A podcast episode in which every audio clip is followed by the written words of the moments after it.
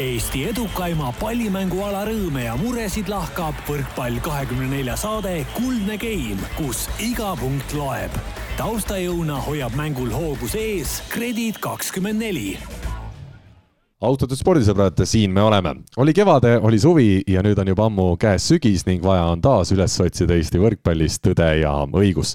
nullpunktist oleme me kunagi oma saadet alustanud, vahepeal on saatest läbi käinud ka tulnukas ehk Valdise päästmine, aga tänaseks võta või jäta, mandariinid on laua peale pandud ja nagu me teame, mehed ei nuta. tänane klassikokkutulek on toonud stuudio Mo klassi umbes tuhande üheksasaja neljakümne neljanda aasta kandis sündinud seltsimees lapse, meie oma nipernaadi, kesk- ja rõõme nautiva Rivo Vesiku, tere Rivo! tere! ning ideaalmaastikust ehk otse Jalgpalliliidust lindistusele tulnud Polaarpoisi, meie oma Põrgupõhja uue vanapagana või Mäeküla piimamehe, kuidas kellelegi, Mihkel Uibolehe. tere! ma olen sõnatu. ja saatejuhina keskendub olemise ilule Fred Jüssi kombel lammas all paremas nurgas ehk Carl Rinaldo kas olete näinud James Bondi uut filmi, on selle sissejuhatuse taustal minu küsimus? ei, on kiire vastus. Äh, tead, ma, ma ei ole ühtegi James Bondi filmi näinud. see ei ole võimalik, Rivo. mitte ühtegi. see ei, see ei ole võimalik, Rivo. ühte, üks, ühte mingi, kunagi hakkasin kuskilt TV3 pealt vaatama, siis magama kümne minutiga. ühtegi pole näinud. aga mis see algus, algus tulenes nüüd sellest, et sa käisid vaatamas Bondi uut filmi ja siis tekkis selline tohutu inspiratsioon? ei, ei, ei, lihtsalt, lihtsalt, lihtsalt James ei no mina, me oleme käinud vaatamas küll, selles suhtes küll, aga noh, Sean Connerile muidugi mm. sellest ajast saati ei ole keegi vastu saanud, aga, aga kuidas siis, Rivo, mis mõttes ühtegi Bondi filmi ei ole näinud? ei ole, ühtegi Bondi filmi ei ole näinud, ühtegi Star Warsi, ühtegi Star tracki, ühtegi. vaadates, ütleme sinu olemust, ma arvan, et te olete nagu nii sarnased, sa oled Eesti oma James, James Bond, Bond olnud, et jah. ma mõtlesin, et sul sealt ongi tulnud kõik need nipid ja. ei, ei, ei ole, ei ole kuidagi nagu. aga mis ole, filme sa vaatad siis? ei ole tõmmanud, ma ei tea siin me oleme, mehed ei nuta. viimati vaatasin näiteks äh, seda, ütleme, kui ta oli film, Schumacheri filmi vaatasin viimati, see oli päris hea, jah. ja siis Dave Chappelle'i viimast äh, stand-up'i vaatasin ka, see oli ka väga naljakas, aga, aga niimoodi filmi ma ütlen, ma olen sattunud Sherlock Holmesi selle inglise seriaali otsa, väga hea, soovitan kõigil mm. vaadata. Netflixis täitsa olemas. oota, aga Mihkel, sa ei ole ka ühtegi Bondi kunagi näinud või?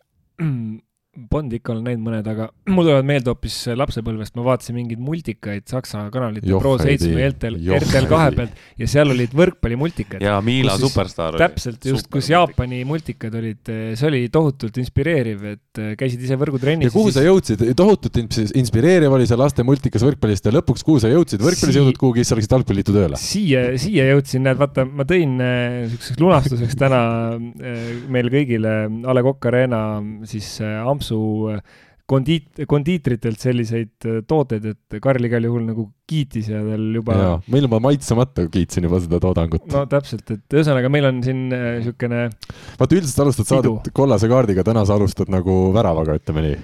nojah, et äh, keskjoonelt kohe sisse ära, esimese puutega. ilusat ristnurka, et ja. aga, aga jaa, meil on siin ühesõnaga niisugused ülevad meeleolud, aga ma ikkagi tulen selle sissejuhatuse juurde tagasi, et, et see muidugi noh, ma ei tea, see, seda, seda võiks nagu uuesti kuulata. huvitav, palju, kui kaua aega läks? kaks minutit, ma võin öelda umbes. Mihkel oli siin sel ajal. kui sa tegid valmis mm -hmm. sellise asja, väga tubli, super. aitäh teile teeks aplausi, aga ma ise võib-olla ei hakka päris sedasi me,. ja meie kindlasti ei hakka seda tegema, aga sinul kindlasti, sinul kindlasti mitte. aga ma ütlen, et, et see äh, nagu palett nendest erinevatest filmidest, mis sa seal ette lugesid, et, et see kõlab umbes sama kirjult, nagu võtad lahti näiteks võrkpalli meistrivõistlusel osalevad võistkonnad ja hakkad neid erinevaid nimesid nii-öelda järjepanu ütlema, et siis ma arvan, see kõlab umbes sama kirjult. sa mõtled võistkondade nimesid? jaa, noh, erinevaid, et kui me võtame, et et mina käisin vaatamas sellise võistkonna nagu Torpat, kaldkriips Tartu vald, kaldkriips katoliku spordiklubi nimelist võistkonda siin.... kuule, aga see on eraldi teema. Äh, minu arust see on jabur, ma ütlen ausalt, ma saan aru, et sul on klubil toetajad, aga toetamise variante on erinevaid, see kõik ei pea panema nii põhinimest, sest see kõlab lihtsalt tobedalt, see ei anna kellelegi midagi. tegelikult võiks panna, mõtle, mõtle, mõtle, kui mitmenda game'i lõpuks saaksite teie ära öelda näiteks äh, Pär-, ma nägin täna Pärnul tulevad kodumängud esimest nagu plakatit või siis näiteks Tartu toetajate plakatit, kus on umbes viiskümmend toetajat või midagi. et spordiuudised algavadki sellega, et Tartu Bigbank duo äh, Maieri. ja, ja sealt läheb edasi jah, kuni no. lõpuks äh, jah, Velje vennad ja ja Teet Ehitus OÜ äh, võitis. Liivimaa lihaveis. ja, ja, ja siis tuleb see kaks, kolm-null ja siis tuleb see teine nimi otsa ja siis, ja siis äh, Anu Säärits juba võetakse eetrist, eetrist maha ja kolmkümnendastega on nüüd siis kõik. välisilm käib juba sellel ja. ajal, aga ei. korvpallimängudest, korvpallimängust räägime homme no ja, no aga tuletan meelde, et on olnud ju selliseid toredaid nimesid nagu Cargo Hunters, Tallinna Kalev ja, ja siis äh, minu meelest, kas see Järvamaa võistkond ei olnud mitte Türi kaldkriips Väätsa kaldkriips Paide kunagi, midagi taolist? Nad ei leidnud, nad ei saanud isegi aru, kus nad täpselt peaks olema siis. ma olen sinuga selles mõttes, Karl, väga nõus, et klubil võiks olla nimi ja, ja siis võiks olla toetajad, et see oleks ideaal, ma täitsa mõistan seda, et, et kohati peatoetaja tahab sinna nimesse tulla ja okei okay,, ja see on ilmselt, see ei ole mingi Eesti teema ainult, et võrkpallis see nii on, see on, see on paljudes riikides ja, ja võib-olla isegi enamikes riikides, aga iseenesest nagu loogika oleks lihtne, klubi on see, mis nagu jääb ja sponsor on see, mis võib nagu vahepeal, vahepeal muutuda, et hea muidugi, kui ta on hästi pikaajaline toetaja, et, et. no vot, see hästi pika nimega toetaja see ei ole nii. jah, hästi pikaajaline, aga pika. Buratino OÜ. Eh, millest, sellest me vist eelmine saade rääkisime ka, on ju, et see on need suured jalgpalliklubid ja, ja suured klubid ongi, et noh, sama Barcelona on Barcelona ja ja siis eh, toetaja saab oma, oma väljundi nende hunniku särkide pealt, kus on kakskümmend erinevat. ja neid väljundeid on veel ju. jah, ja see on, see on natuke nüüd sama teema nagu ähm, ähm, osalesin hiljuti ühes, ühes mälumängus, kus küsiti äh, näiteks äh, erinevate jalgpalliliigade nimisponsoreid, näiteks et Itaalia ja seal oli vist Hispaania ja nii edasi, noh, et, et ka siin me ei ole harjunud üldse nimetama neid sponsornimedega, et me ikkagi räägime La Ligast ja Serie A-st, eks ole, aga tegelikult sealjuures on veel mingi sponsornimi, aga see ei muuda nii-öelda seda Serie A-d sealt, siis noh, versus siis see, et kui me, kui me toome näiteks äh, näite mõnest teisest riigist, et siis see liiga nimi nagu käib nii-öelda noh, käest kätte, et üks aasta üks, kunagi oli Schenker-liiga, täna on Grade kakskümmend neli meistriliiga, et inimene, kes esimest korda võrkpalli juurde tuleb, ta mõtleb, et on olnud täiesti erinevad liigad, aga tegelikult on täpselt sama ja, liiga. sama liiga, et see järjepidevus nagu, nagu mm., nagu on hea, kui ta jääb, okei okay,, kah, kui sul on toetaja, kes on pikki aastaid. jah, noh, selles suhtes, et Schenker-liiga oli meil ju, ma ei tea, kümme aastat pikka, umbes ja Grade kakskümmend neli on ka nüüd olnud kas kuues hooaeg. see nagu on, noh, ta, ta söö, nagu muutub suupärasemaks ja nii edasi, et noh, nagu jalkas on premium-liiga, et aga kui sa vahetad ja noh, ta on ka kahetähenduslik. aga, aga premium-liiga ongi kahetähenduslik, on ju, premium-liga on välja toodud A Le Coq, kes on peatoetaja toetaja ja, ja nii ongi, et. Mm. aga just, et, et kui ta nagu muutub liiga kiiresti, et siis noh, siis sa ei saa ka luua. kõik devalveerub kokkuvõttes. sa ei saa luua sellist brändi nagu ka üles ehitada. aga oma brändi on nüüd hakanud looma ikkagi Sten Berillus. me õnnitleme siis äh, parimat nii-öelda võrkpallis tegevalt sees olevat meest. Türi vallas sada viiskümmend üheksa häält ja Sten Berillus siis äh, kes on äh, oma valimisliit Tulevikuvald Türi, mitte tema valimisliit, aga seal ta oli siis äh, nimekirjas sees ja, ja oma piirkonnas sai ta, oli üks tugevamaid häältepüüdjaid, nii et. Äh, kas nüüd on karjäärivahetus siis? vot, see on nüüd küsimus, jah. sest samamoodi ka ju Tartus äh, Argo Meresaar nüüd ilmselt Kambja vald. Kambja vallas läheb ikkagi poliitikasse ära, tundub, et. no õnneks või kahjuks seal on vist ikkagi, seda tehakse põhitöö kõrvalt, et see päris Argol ei võta nüüd kogu aeg, et noored on ikka ennekõike vaja teha kõvadeks võrkpalluriteks ja kui jääb aeg õhtul, siis lähed volikogu see, see, see on esim-, ei, ega niimoodi need asjad ei käi, et kui jääb aega, et sinna tuleb, seal tuleb ikka käia, see on esimene samm, Karl. ahah, aa, paljudest. see on, see on esimene samm paljudest. edasi veel Riigikokku, eks. ja, ja ei, siin on juba seal kõige pikem riigikogulane tuleb sealt nii, aga me teame, et äh, Argo siis tegi ikkagi Raidul ära. Kambja vallas võttis äh, Argo sada kolmkümmend üks häält, osutus valituks ja Rait Rikberg, kui ma sõitsin näiteks nädalavahetusel veel pühapäeval Tartusse mängule, esimene asi, mis mulle Tartu linna sisenedes tuli enne Maaülikooli vastu, oli Rait Rikbergi näe, hää, mitte hääl, vaid nägu ja suur plakat, kus oli, et äh, meie võidame kõik või midagi, midagi ilusat. ja võitsidki õhtul, võitsid TalTechi kolm-üks, nii et selles suhtes Rait pidas oma valimislubadusest väga hästi kinni jah, jah. plats puhtaks. kas oli plats puhas pärast TalTechi meest? ei, vot natuke libe oli. aga Rait sai siis sada üks häält, pole ka tegelikult paha arvestada seda, et ta läks sinna ilma mingi kampaaniata. jaa, pole üldse paha, et muidugi kõige vingem oli Elvas, hoopis Marek Pihlak, endine koondise tempomees ja kakssada kolmkümmend kaheksa häält ja ta oli Elva vallas kolmas tulemus, et see on tõesti võib-olla isegi noh, väga-väga üllatav, noh, ma tean, et ta teeb seal trenni juba aastaid, äh, aga noh, et see, et kohalikust poliitikasse nii palju hääli saad, selleks sa pead ikkagi nagu noh, kas ja oleme järjepidevalt teinud jaa, aga ma, tööd. Marek ongi kogukonnas nii palju teinud seal, ta, ta on väga-väga ammu ju seal Elvas ja ta on teinud nii judotrenne, võrkpallitrenne, korraldanud turniire, mida iganes, noh, ta on, ta on teinud seal ikkagi kõike, et ta on aga väga, väga, väga aktiivne olnud oma kogukonnas. üks asi on see, et sa teedki trenne, oled aktiivne kogukonnas, teine asi on, kui sa ikkagi tood palju häid pastakaid ja palju häid äh, elkureid ja, ja magusaid komme sinna enne valimisi, ma arvan, et see, see toob ka palju palju hääli, sest on valijad, kes puhtalt vaatavad selle järgi, kellel on parem pastakas, kellel on säravam helkur, et selle järgi see hääl lähebki. Rivo, sina otsustad ka nii, ma olen aru saanud, ei? jaa, muidugi.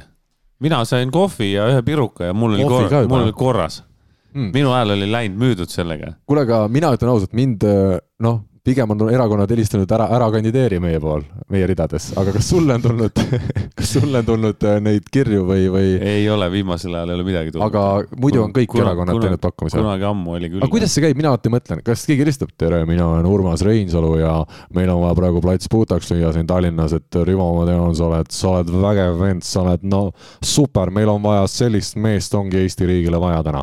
kas nad ütlevadki nii põhimõtteliselt või? Ei, päris nii ei ütle, ütlevad, et kas sa sooviksid kandideerida ja nii edasi, nii edasi, nii edasi. aa, kas see nii edasi on see, et no ja Rivo, meil on praegu ikkagi kaks tuhat eurot kuus on võimalik pakkuda väga headele kandidaatidele, nagu me näeme, et sina oled, kas räägitakse rahast ka või? ei räägita. ei, ei, ole... ei, ei räägita, seda peab ise küsima. siis pole ime, et sa ei läinud. seda peab ise küsima, ei no kunagi siis, kui, siis kui ma kandideerisin äh, sotsiaaldemokraatias, esiteks mul oli ema, oli sotsiaaldemokraatias, kandideeris Pärnus. ja siis ma, me tegime emaga kihlveo, ma ütlesin, ma lähen ka kandideerima kuskil sinna. ja et kumb rohkem saab, see siis on võitnud. aga siis, siis kui ma rääkisin läbi need asjad, siis, siis mina küll küsisin jah, et davai, et kui te saate võimule või kui meie saame võimule, siis, äh, siis, siis ma, mina, mul oleks seda, seda, seda, seda vaja, mitte minul, aga minu projektidele. ja mis sai siis? no ikka lubati suure suuga, aga võimule ei saanud keegi aga oota, hääli sa said? Mina sain aga..., ma ei mäleta palju, kolmkümmend millegi peale. ema sai? ema sai nat-, ühe hääle rohkem vist või? ema sai rohkem hääli? tohoh, see on küll uudiskünnis. kui ta ei ületanud seda valimiskünnist, siis uudisekünnis oleks see võinud ületada. see vist ka isegi käis läbi kuskilt kunagi ka, et. Rivo on kaks korda kandideerinud Tartus. täitsa võimalik. KOV valimistel ja. Tartus? jah, kaks tuhat üheksa sai ta kolmkümmend kaks häält no ja kaks tuhat kolmteist sai ta kakskümmend kolm häält. miks sa Tartus kandideerisid? mul Tartus sisse kirjutatud mingi aeg. aa, sa oled ikka elus jõudnud kõike? no seal oli jälle mingisugune selline, seal oli mingi toetusrahade teema oli, et, et Tartu toetas eh, oma sportlasi rohkem kui, siis me Kristjan, me nagu tiimi toetas Tartu et me pidime mõlemad olema nagu Tartu elanikud, et kui oleks olnud Kristjan üksi ja mina Pärnus, et siis ei oleks kumbki mm. kuskilt saanud, on ju, siis oli Tartu toetas meid, et ma olin, ma olen isegi olnud üks aasta Tartu parima võistkonna liige ja, ja, ja Raivo Simson oli Tartu parim treener aa, aa, ühesõnaga te olite võistkonna moodustasite kahekesi võimas võistkond. ma vaatasin, valimistel oli ka inimesi, kes ei saanud ühtegi häält. ma praegu, ma arvan, kui praegu kandideeriks, ma oleks tuhat ikka. ja, jah. vabalt noh, kui juba Mustamäel üks kodanik saab üle kaheksa tuhande, kes on ka tubli muidugi, jah. aga ma vaatasin veel neid tulemusi, siis äh, Aavo Keel loomulikult mm. -hmm. seitsekümmend viis. tegi oma tulemuse ära Pärnus ja sai volikogu liikmeks. ma mõtlen, kas need äh, brasiillased ja need lätlased, kes on läbi aastate, kas need on, kas need on, noh, ilma naljata, kas need on sisse kirjutatud olnud äh, Pärnusse siis või? Selleks hooajaks. kui sa, jah, ei, sa ei saa, sa ei saa sissekirjutusega ei saa hääletada, sa pead olema kodakond. ei, kohalikel võib. sellepärast on meie soomlased said ka. kohalikel on jah see, et tõenäoliselt nad on kantud Eesti, neil on nii-öelda Eesti ID-kaart. täitsa võimalik, jah. kui sa no. siin ikkagi töötad ametlikult, siis sa saad Eesti ID-kaardi. aga Pärnus oli ka ettevõtja, endine võrkpallur Edgar Maier, mulle meeldis tema valimisloosung, mind ära ei osta ja mind ära ei süsti ja ta sai Pärnus keelest rohkem hääli, üheksakümmend, aga jäi napilt volikogust välja ja Tauno Lipp oli meil Viljandis kaheksateist häält, mis oli üllatav minu jaoks. ma arvasin, et Tauno, ma vaatasin, kuidagi tundus ka, et see Viljandi suht väike koht ja ta on seal ju päris suurelt pildis olnud, et saab rohkem hääli, aga, aga tutkit, ju siis oli teisi häid kandidaate veel. kas Gerd Kärneri viis häält sind ei üllatanud või? no pigem ma ei, mis. või, või üllatas sind rohkem? ei, kui palju ta oleks pidanud saama siis? Toomas Murule kakskümmend häält näiteks Kambja vallas, et. ei, see on tubli saavutus kindlasti ei, no tegelikult äh, mina ei kujutaks ette, ma ei kujutaks isegi viite inimest ette, kes mind äh, valiks ausalt nagu, kui ma kuskil peaks kandideerima, et see, noh, see on, mille alusel. Ka, kandideeri, ma panen sulle ära. kus, kus need inimesed on, selles mõttes, et see Marek Pihlaks on äh, kakssada kolmkümmend kaheksa häält ühte suurde bussi mahub viiskümmend inimest. noh, kujutame ette nüüd, et sul tuleb nagu. bussitäied käisid valimas. peaaegu viis bussitäit inimesi tuleb ja ütlevad, et ma hääletasin sinu poolt. no kust te mm -hmm. võtate need inimesed, ma ei no., ma küll ei kujuta ette no.. võib-olla see näitab, et ei ole kedagi no kui sind hakatakse juba valima, siis ilmselt ei oleks vist kedagi teist valida ja siis on jah vari, variandid, me, me võime muidugi teha siukse mingi virtuaalse, äkki sa saad panna pärast üles mingi küsitluse, et kes meist teeniks. kes meist kolmest nagu teeniks. ja, et kes meist kolmest teeniks rohkem hääli. ma tean, et selle võidaks Rivo. ma arvan ka. heiter, heitereid on nii palju ees no teeme selle ära, ma võin pulli pärast ikka võib. nalja peab elus saama. ja kui ise ei tee, kes siis veel teeb. Äh, aga Toivo Alt sai nelikümmend neli häält äh, siis Saaremaal ja, ja valituks ei osutunud, nii et tundub, et Saaremaal ei ole, ei ole praegu ka seda võrkpalliklubi meistriliigast ikkagi kuskilt tulemas. kas me räägime sellest teemast ka või? no me võime rääkida jah, see oli ikkagi super uudis, mida sai eile hommikul Tähendab, lugeda mi. mina lugesin, võtsin lahti Päevalehe või Delfi, lugesin Märt Roosna artiklit ja sain nüüd aru äh, selliselt, et meil on üks klubi Eestis, kes mängib eurosarja ja selle klubi juht ütleb, et ärge kajastage mind, ärge kajastage minu tegemisi, et äh, las ma teen äh, noh, rahulikult, et avalikku huvi sellel ju ei ole, kui ma eurosarja mängin, noh, see on tema sõnum põhimõtteliselt mm -hmm. väljapoole. see on äh, noh, see on ju, see on, see on absurd, esiteks, et kui keegi kuskil mingit sporti teeb, see on, seal on olemas avalik huvi, veel enam, kui ta eurosarja mängib, seda tuleb kajastada. Ja veel enam tuleb kajastada seda siis, kui on noh, täielik arusaamatus, kas see võistkond mängib või ei mängi, et sellist punnseisu, nagu praegu on, tuleb kajastada, selles mõttes Märt Roosna väga tubli, et ta seda kajastab, ma pigem imestan, et seda rohkem pole, eh, rohkem pole kajastatud, sest et noh, noh, mis, vaband-, vabandage väga, mis vastus see on, et, et, et meil on kõik kokku lepitud ja spordisaal ütleb, et tegelikult meil ei ole, et noh, see, see ongi ajakirjaniku ülesanne see asi välja tuua, et selles mm. mõttes ei, see oli Märdi, Märt tegi ainuõigust, jah, aga mis on siis faktid, on need, et kaheksas detsember peaks olema Kuressaare spordikeskuses esimene mäng ja korduskohtumine siis ähm, Taanimaal üheksateist detsember, aga ei ole seda spordisaali kinni pandud, ei ole meeskonda ja, ja nii edasi. mul ei oleks selle vastu mitte midagi, kui, kui äh, Saaremaa siis esindusvõistkond, me räägime esiliigas, Saaremaa mängib, et selles mõttes Saaremaa on esindatud Eesti võrkpallikaardil, aga mul ei oleks selle vastu midagi, kui kuskilt esindusvõistkond välja tuleks ja ta hakkaks mängima, kuida-, kuidas iganes, kus iganes. aga noh, klubi juht peab aru saama ajakirjaniku küsimusest, et olukord on enam kui pentsik ja ta peab andma sellele vastuse, sellepärast et ajakirjanik ei ole süüdi selles just, olukorras. ajakirjanik esindab ju avalikku huvi, ajakirjanik ei küsi seda iseenda jaoks, et selleks, et et anda vastus kümnetele tuhandetele Saaremaa inimestele ja, ja Eesti inimestele eh,, mandri inimestele samamoodi, eks ole, selleks ongi ajakirjanik, tema justkui esindab neid, neid inimesi. ja, ja noh, see ongi vaata see vahe, et, et ükski spordiklubi ei ole kellegi eraprojekt, see on äh, see võib ainult tunduda niimoodi, tegelikult kui sul puudub see suhe oma kogukonnaga, et needsamad inimesed, kes saali tulevad, sa ei saa neile öelda, et oh, teate, et, et ma, ma tulen siis, ma mängin siis, kui ma tahan ja ta-ta-ta, noh, siis, siis sa oledki ühe päeva äh, liblikas ja, ja, ja kaod ära, et. või peab olema hästi-hästi-hästi palju raha, et sa saad lubada endale selliseid asju et.... aga no ütleme nii, et isegi kui sa lubad sellist, ütleme, saad lubada suure rahaga sellist suhtumist, siis nagu puht nii-öelda eetiliselt ja inimlikult ja moraalselt, noh, ei saa suhtuda kogukonda nagu ülbelt, eks ole, praegu nagu suhtutakse võrkpallikogukonda ülbelt, öeldakse, et Teil pole õigustki teada, mis me teeme. kuidas ei ole? on küll õigust. me käisime teid vaatamas saalis, me maksime piletiraha eh, ja meil on, me tahame küsida, mis toimub, me hoolime sellest mm -hmm. ja noh, see on see loogika.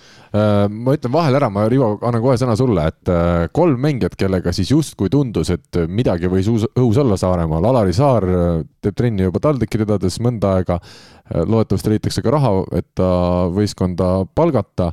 austraallane Bo Graham on siis saamas siin kas vist isegi no igatahes on tal eestlannast elukaaslane, see on selge ja tema peaks veel olema Eestis vist, aga kolmas mees, austraallane Trent O'D olevat juba öelnud, et talle aitab küll, et et päris äh, maikuuni ei, ei saa siin oodata, kuni mängud pihta hakkavad, et tuleb enne ikkagi kuskil mingi teine kodumeeskond leida ja seda ta ka kuuldavasti on siis omale leidnud. Rivo, mis sina sellest kõigest mõtled? Ma tahtsin visata üles ühe lubaduse, et kui kaheksas detsember oli see mäng või? jaa, sa oled kohal või? jah, kui mäng toimub, siis ma olen kohal, igal juhul. Eh, kui ma olen Eestis, ma pean siin täpsustama, et ma seda oma graafikut veel ei tea, aga kui ma olen Eestis, siis mina olen Saaremaale vaatama. nõus ka mängima, kui Ivar ütles, et no meil on praegu sihuke seis, et me, meil on Graham olemas. kusjuures ma oleks nõus ka mängima isegi mina ka. ja me võime kõik tulla, selles mõttes, kui on vaja nagu siin peatreenerit või statistikut või keda iganes, et me teeme, teeme ära nagu, me ulatame abikäe kohe. jah, ja ma arvan, et kajastust saaks küll sel juhul. mõt-, aga ma sinna Taani aga... ma ei saa lubada, et ma saan tulla sulle Taanis ei meeldi? ei, ma ei tea, ma ei tea graafikut, vaata, muidu mm. ma võiks Taani ka minna ju, see on tore koht. mina pigem just nagu Taani peale panustakski, et Saaremaal ma olen enne ka käinud, et noh, Taanis ainult ühe korra. see oli kusjuures Saaremaa võrkpalliklubiga. no vot, ja mis, oli jah, seal oli mingi Euroliiga mäng yeah.. jah, no vot, siis nüüd saaks juba minna tuttavasse kohta, aga nüüd juba särgiga koos mängijana. jah äh,, vot nii. ei, mina, mis ma lõppkokkuvõttes arvan seda, et äh, et noh, Mihkel ütles kõik jumala õigesti, et, et ongi, avalik huvi on ja, ja ja sellele peaks nagu andma mingi vastuse, ma, ma lihtsalt ei saa aru, ma ei saa nagu aru sellest Euroopa Võrkpalliliidust, et kas ei pea olema seal olema, olemas ka mingi võistkonna nimekiri või, või no, mingisugune ei, see nüüd tulebki, see on see registreerimise tähtaeg oli siin, on kohe kätte jõudmas ja kas selleks ajaks siis saadakse kokku või ei saada, selles ongi see küsimus praegu. aga minu jaoks on küsimärk see, et okei okay,, esiteks ma ütlen ära, härra Ivar Alt, mina olen temaga ükskord telefonidel suhelnud, väga lõbus sell. ja jutt oli väga tore ja, ja mõnus, aga see oli veel sel ajal, kui tundus, et okei okay,, et see vist, mis ta räägib, et noh, see saab tõeks. täna oleme me korduvalt ja korduvalt saanud võrkpallisõpradena selles suhtes ikkagi petta, et on lubatud asju, mida ei ole tulnud. et täna lihtsalt iga sõna, mis ta ütleb, sellel ei ole enam mitte mingit nagu kaalu või keegi ei usu neid asju enam ja no hetkel, mil me oleme oktoobrikuu teises pooles, eh, hooaeg juba käib, rääkida, et eh, võistkond on tulemas, lihtsalt see on nagu nii uskumatu lugu Eesti võrkpallis. ei, see on üldse igal pool uskumatu lugu, aga kusjuures nii naljakas, kui see ka ei ole, siis mina millegipärast arvan, et nad mängivad selle mängu ära ma ei tea, miks, ma, ma ei tea, miks ja mul on, mul nagu on tunne, et nad mängivad selle mängu Kellega? ära. kes on Eesti kas, mängijad, kes seal mängida võiks? kas või esiliiga võistkonnaga, et nad on selle raha ära maksnud ja kas esiliiga võistkond saab mängida? ma arvan küll, no miks see, miks see peaks, mis vahet seal on, kes seal mängib? no vot, see ongi nüüd omaette. kas veel, tohib? see ongi omaette küsimus. see on omaette küsimus jah, selle Euroopa Võrkpalli Föderatsiooni kohal. et, et noh, ma ei kujutaks ette näiteks jalka näitel, et eh, üldse eurosarja saaks minna klubi, kes ei osale kohalikel meistrivõistlustel. see, noh, ei, seda loogikat ei saa olla, lihtsalt ei saa, aga, aga aga ma, ma tundmata nüüd võrkpalli CEF-i nagu reegleid, siis äh, ma arvaks, noh, ütleme niimoodi puusalt tulistades,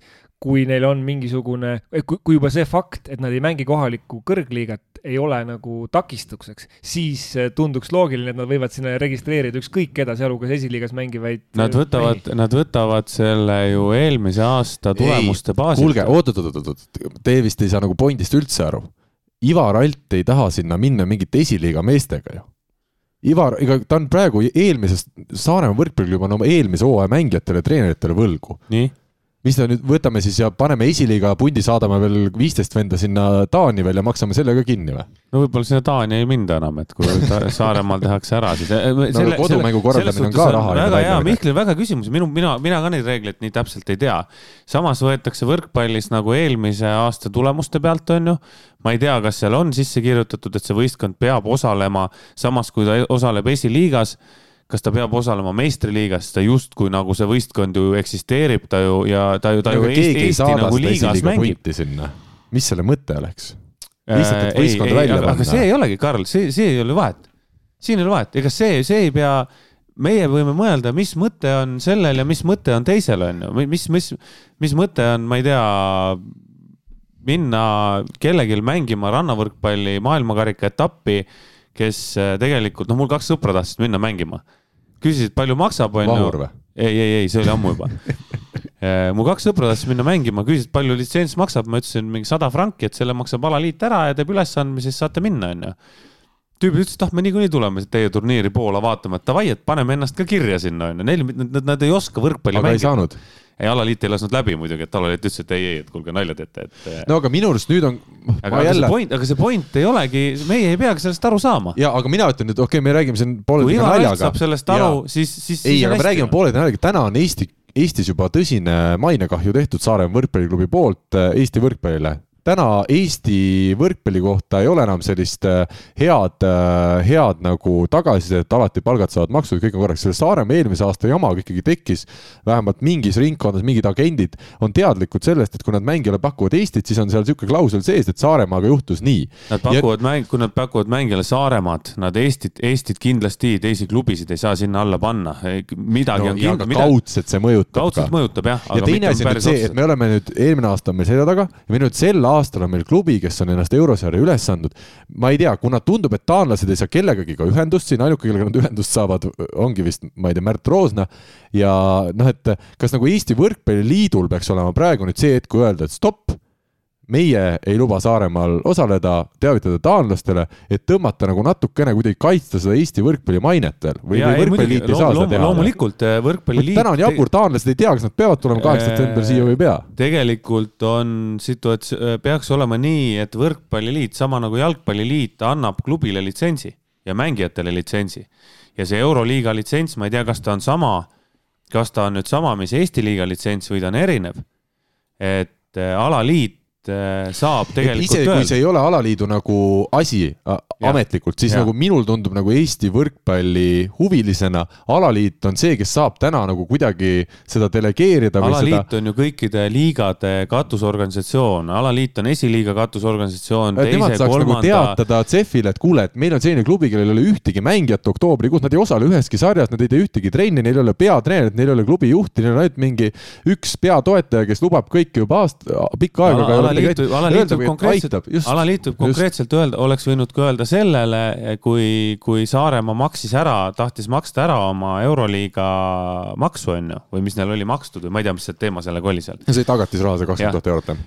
et siis äh, alaliit oleks võinud ka rahulikult öelda seda, et äh, me ei anna teile litsentsi, kui mm. ei ole meil esimeseks septembriks mängijate nimekirja, kes mängivad. Mm.. ja see, see, see litsenseerimissüsteem peaks välistama sellise asja, see kahetasandiline, esiteks on see, et sul on kohaliku liiga litsents ja siis on sul litsents eurosarja mängimiseks. ja eurosarja mängimiseks on sul näiteks täiendavad finantskriteeriumid just selleks, et klub ei satuks nii-öelda noh, ei teeks, ütleme, oma eelarvet kuskile kanajalgadel, et, et ja teine asi, noh, selle litsenseerimise sees on üks konkreetne tingimus. Kindlaks kuupäevaks peab olema eh, eelmise hooaja võlad klaaritud, peab olema kirjalik kinnitus mm. võetud mm. mängijatelt, treeneritelt, loomulikult see klaarimine võib tähendada ka seda, et lihtsalt on kokku lepitud, et on mingi maksegraafik või mis iganes, et, et ja sa ei saagi enne alustada uut hooaega, sulle lihtsalt ei anta litsentsi, näiteks kui sul on eh, mängija vesik, kellele sa oled võlgu jäänud ja ta ei ole nõus sinuga maksegraafikut kokku leppima, siis sa kas maksad talle ära või lepid temaga kokku ja kui sa seda ei suuda, siis sa ei saa litsentsi mm. ja see väga lihtne süsteem, et eh, midagi keerulisemat polegi vaja. jah, ja alaliit saab mängija käest küsida, et kuidas seis on, on ju, kas on klaaritud, kas teil on mingi kokkulepe, kui klubi ütleb, et meil on kokkulepe, mängija ütleb, et meil on kokkulepe, siis liigutakse edasi, kui mängija ütleb, et meil ei ole midagi, mina ei ole midagi saanud, mina ei ole midagi neile lubanud, on ju või meil ei ole kokkulepet, siis lihtsalt alaliit ei annagi litsentsi. Mm.. igatahes ootaks mingeid lahendusi siin, ma, ma ütlen tõesti, ma ju ei tea, palju on Eesti Võrkpalliliidu võimuses siin midagi teha, aga mulle tundub, et ta on täna ainus instants no,, kes saab Eesti, midagi Eesti teha selles olukorras. peaks küsima, isegi võib-olla siin jõuame sinnamaani, et äh, esiteks Võrkpalliliit peaks olema toimuvaga kursis ja jõuame sinnamaani, et mitte Märt Roosna ei peaks täna küsima vaid alaliit peaks küsima Saaremaa käest, et kuulge, mehed, et mis seis on, et mm. on ju vaja teha asju, noh kuule, aga siit me saame väga hästi edasi minna, me tegime võrkpalligrupis äh, Facebookis sellise küsitluse, et äh, mis, millisele esiliiga klubile hoitakse tänavu enim pöialt ja ülekaalukalt võitis, teate kes?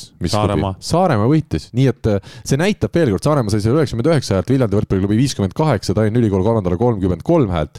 et see näitab ikkagi, kui palju Saaremaal võrkpalli armastatakse, palju seal on võrkpalliinimesi ja kui ikkagi, kui karmilt mõjus see et Saaremaa nüüd on, nüüd on sedasi pauguga eemal meil suurest võrkpallist, et tegelikult Saaremaal oleks kohta võrkpalliklubile küll, nad ei pea olema viiesaja tuhande eurolise hooaja eelarvega, aga nad võiks olla olemas ikkagi meistriliigas. muidugi, loomulikult sada protsenti, et see, see number näitab, et need fännid on seal esiliigaski olemas, on ju.